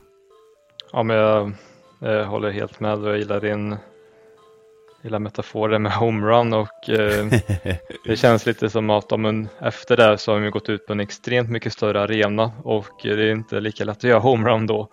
När de redan har satt förväntningar så de lyckades ändå. Det är jag sjukt imponerad över och ja, jag tror de flesta Zelda-fans och även om man inte är Zelda-fan är imponerade och, över själva slutresultatet där. Ja, nej det det är verkligen en hit. Och det, det är lite spännande också för att nu undrar man ju, eller jag tänker ju direkt så här, vad blir nästa Zelda-spel? Det har kommit något nytt Zelda nästan varje år, det senaste. Eh, och jag hade ju tyckt att det var väldigt kul med, med ett nytt eh, top-down Zelda, alltså inte en remake utan ett nytt. Eh, men det vet jag inte om vi får se. Men eh, frågan är om det kommer komma fler spel i den här serien, alltså om det kommer ett eh, någonting ofta någonting om ytterligare fem år. Liksom. Alltså att det här blir eh, en, en egen Zelda-serie. Vad tror du? Eh, bra fråga. Alltså, ser man till, historiken är det ju som du säger, det är inte vanligt att det kommer uppföljare. Ja, men det kan ju brytas den, de trenderna. Jag vet att det mm. kommit uppföljare typ som Majora's Mask och eh, ska man se det så så typ eh, till Wind Waker kommer ju Phantom Hourglass och Spirit Track så det är väl typ tre stycken om man ser så sett i samma stuk. Mm. Men mm. Jag, jag har svårt att se att de skulle göra ett tredje Breath of the Wild om man säger eh, Ser man både Mario och Zelda så gillar ju Nintendo att utveckla de serierna. Eh, ett undantagsfall är väl Super Mario Bros. Eh, New Super Mario Bros-serien vi pratade om tidigare där. Just Annars det. brukar ja, man verkligen göra något nytt. Jag har svårt att se det, men vi får se. Ja. Kanske något mm. mer åt det realistiska hållet, typ Twilight, Price, eh, Twilight Princess uppföljare där eller något sånt där. Mer åt det mm. hållet kanske med Switch 2, vem vet. Men jag skulle också vilja ja, se en 2D, eh, ett nytt 2D-spel faktiskt. Eh, för de tycker mm. jag också är väldigt roliga. Det är ju ändå stor skillnad på de två. Jättestor skillnad. Det är som två olika serier. För det, de blir ju lite mer rimliga att ta sig an också som vi pratade om tidigare. Och det kan vara ganska skönt ibland att sätta sig med ett spel som man vet att ja, men det här är 15 timmar långt. Det blir mycket mer läskigt när man hör om 100 timmar eller 150 timmar eller ja, ännu mer liksom. Eh, man vågar knappt börja på ett sånt spel då. Så att, eh, ja, men kul. Det känns som att du ändå har spelat ganska mycket får man ju säga då. Eh, det här halvåret. Jag har spelat mycket att, och jag har spelat väldigt mycket eh, Tears of the Kingdom och ändå känns det som att eh, du sa ju nyss att du har doppat eh, fötterna bara i Tears of the Kingdom men det känns som att jag har gjort det. Du har ändå spelat 50 timmar och det mm. säger ju en hel del om hur stort det är. Mm. Um, ja, jag skulle inte säga att det är dubbelt så stort som Breath of the Wild men det kanske är en tredjedel så stort i alla fall. Ja, så ja, det är riktigt mycket. stort alltså. ja, det känns ju också som att det finns, det är lite mer, eh, jag kunde väl ibland uppleva med Breath of the Wild att det var lite tomt på sina håll. Så. Eh, det känns som att de har eh, fyllt ut spelet lite bättre nu. Eh, alltså runt omkring världen och så, om du förstår vad jag menar. Ja, men exakt. Jag förstår helt hur du menade det.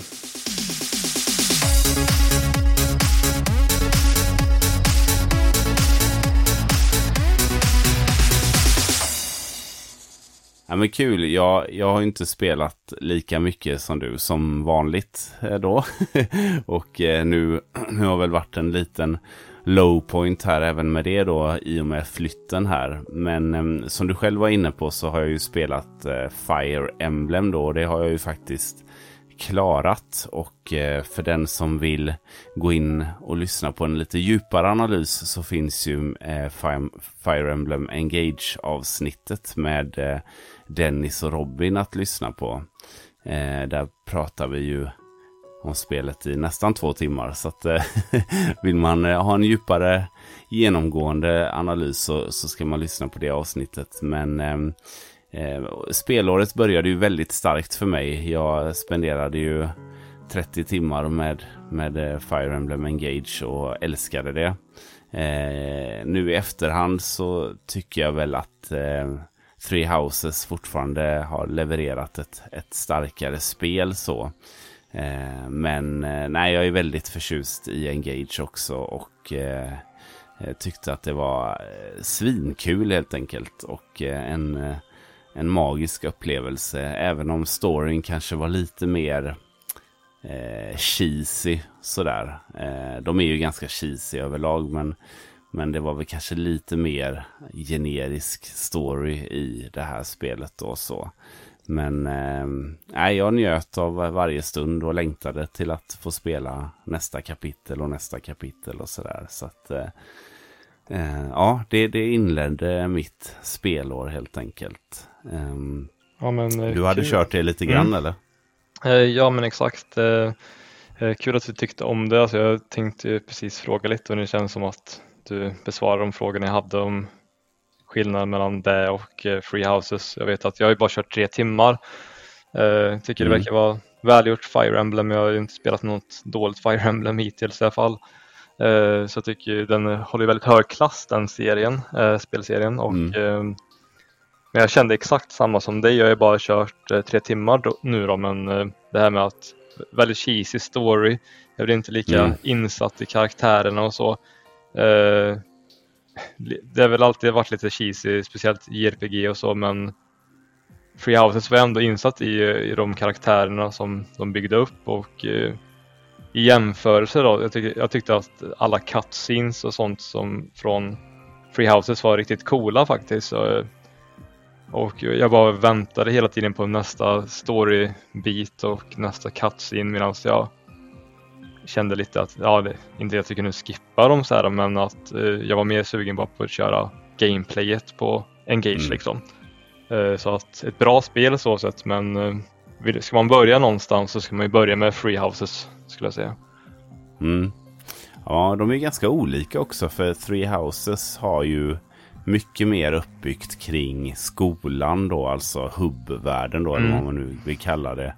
Eh, det är liksom halva spelet det och, och, och skapa relationer och röra sig där och handla och sälja och uppgradera och sådär. Det är en mycket större del av spelet än vad det är i Engage där hubbvärlden är, ja det finns ju de möjligheterna men det finns inget, det finns inte mycket som uppmuntrar till det på samma sätt. Så att jag spenderade ju otroligt lite tid där. Utan jag, jag gick ju nästan kapitel från kapitel och eh, eh, tog, tog mig an nästa strid helt enkelt. Och nästa del av, av main storyn och så. Eh, men eh, det här spelupplägget som de har är ju otroligt beroendeframkallande tycker jag. Det. De, de har verkligen mästrat det här taktiska eh, JRPG och eh, jag tycker nog eh, att du borde hoppa in i det igen för att eh, storyn eh, jag tyckte att storyn växte och att man fick starkare Eh, band till vissa av karaktärerna och sådär. Det kommer mycket roliga karaktärer allt eftersom och så också. Så att eh, eh jag tyckte att det bara att spelet blir bättre och bättre ju mer jag spelade det. Så att eh, eh för mig är det fortfarande toppenspel även om som sagt nu då ett, nästan ett halvår senare så, så tycker jag nog ändå att eh, Three Houses är det bättre av de två. Men det är ju för sig själv är ett fantastiskt bra spel. Så att, eh, rekommenderas starkt om, eh, om man gillar den typen av spel. För att det är ju väldigt speciellt just med de här schackrutespelen och, eller schackruteupplägget och så. Eh, så att, ja, Eh, väldigt bra spel som sagt. Men eh, jag har ju spelat lite till också, inte jättemycket. Jag har ju spelat eh, Zelda då lite grann. Eh, började med det strax efter release och eh, kände att det här måste jag spela mer av. Och även Carro var lite sugen på att se vad, vad som hände. Men eh, jag har inte riktigt som sagt fått ro till det. Eh, men eh, kan vi passa på att tisa lite här om att eh, du och jag Adam, vi har ju pratat om att göra en liten Zelda-special i eh, podden här framöver. Så att eh, ska vi försöka få till det till hösten eh, har vi tänkt. Då blir det väl lite mer djupdykning in i de olika Zelda-spelen. Om du fortfarande vill vara med på det. ja, absolut vill jag vara med på det. Jag tackar ju inte nej till att prata mer om min stora passion i livet, Zelda liksom. nej, Nej, så att, det kan nog bli ett kul samtal och det blir du och jag och en till Zelda-entusiast som, som vi har bjudit in som ska eh, gotta ner oss i, eh, i Hyrule och eh, Links magiska värld. Men eh, ja, det blir senare, senare i höst som sagt. Eh, utöver Zelda så har jag faktiskt börjat spela Eastward lite grann också. Ja, men kul. Ja, och det, det fastnade jag för direkt där. Det var ju väldigt charmigt spel. Eh, så att jag är väl eh, ja, en tredjedel in ungefär tidsmässigt. Något sånt och tycker att det är eh, supercharmigt och eh, väldigt eh, härligt. Eh, vad ska man säga? Eh, mysspel så. Eh, så, att, eh, så det kommer jag absolut fortsätta spela. Eh, och det, det var något du hade klarat va? Ja exakt. Jag mm. körde under en ja, längre period där jag har ju pratat om det i något tidigare avsnitt där men det är, som du ser väldigt mysigt spel, det är bra story. Uh, mm. kommer inte spoila någonting för dig eller andra här men det kommer bli lite mörkare. Uh, mm. Och um, väldigt bra musik och uh, grafik som jag sagt flera gånger tidigare så ja men det är ett väldigt väldigt välgjort indiespel.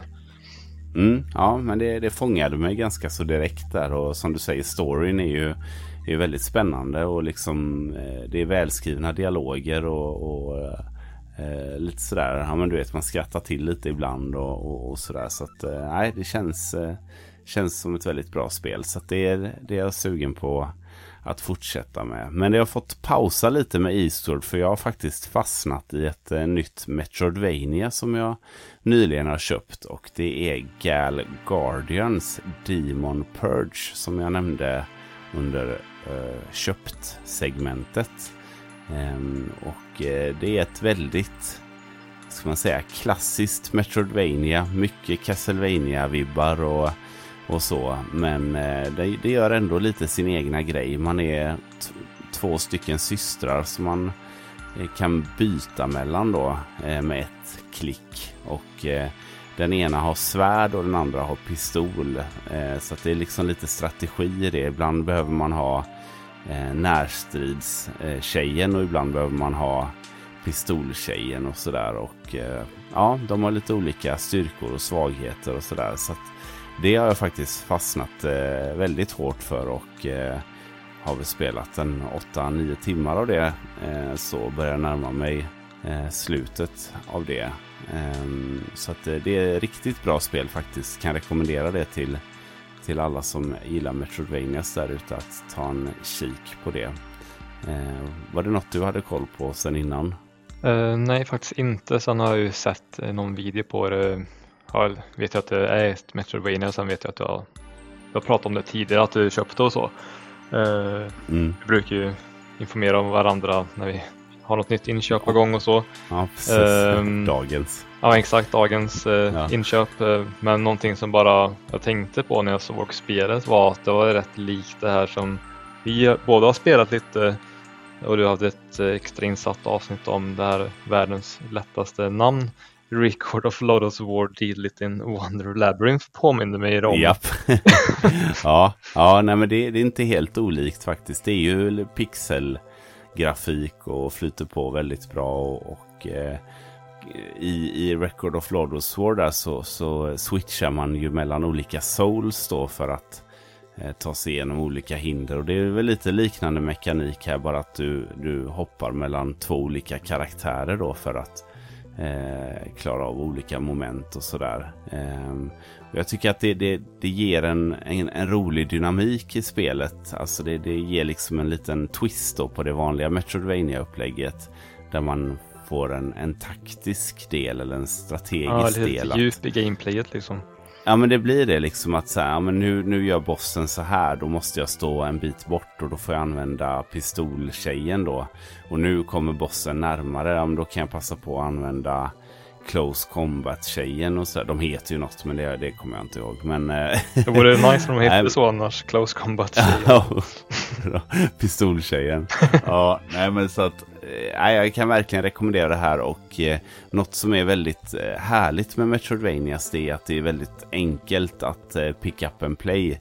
Så att eh, jag har faktiskt haft med mig mitt switch till jobbet mycket och eh, ja, kan man ta en fem minuter och spela en stund när man behöver en liten paus eller eller sådär. Så att eh, det har ju underlättat mitt spelande under den här perioden. Att jag faktiskt har plockat med det i, i jobbväskan och, och kört lite på både på rasterna men även ja, som sagt när man har en fem minuter här eller där och, och så. så att, ehm, eh, ja, nej, det, det, var inte så mycket mer än så eh, som jag spelat faktiskt det senaste. Eh, jag har spelat lite Pokémon Violet med Carro men, men inte, inte sådär jättemycket mer än, än sist tyvärr. Men det, det, kommer nog bli lite mer spelande framöver för nu har jag liksom landat mer här hemma och landat mer i, i eh, både poddstudion och gameroomet och så. Så att eh, jag har inte riktigt lika mycket på min att göra-lista så det, då blir det lite mer ro i själen för att faktiskt sitta och spela. Om det låter bra. Sen tycker jag ändå att du har spelat eh, vad det låter som kvalitetsspel. Eh, mm. Och en rekommendation skulle det vara typ att fortsätta med typ Eastward efter du har klarat Gull Guardians där. Alltså lite enklare att ta, bara plocka upp och spela än Tears of the Kingdom. Där känner jag att där vill man nog kunna investera mycket tid i för att komma in i och ge det en ärlig chans eller man säger. Mm. Ja, nej men precis så känner jag nog också. Jag är faktiskt väldigt sugen på att fortsätta med, med Eastward och, och sen har jag lite andra, eh, vad ska man säga, kortare spel som jag är sugen på att hoppa på där eh, innan jag tar mig an Zelda faktiskt. För att nu har ju liksom ändå nyhetens behag lagt sig lite så då känner jag att då kan jag vänta lite och, och sätta tänderna i det när jag har lite mer tid att disponera liksom.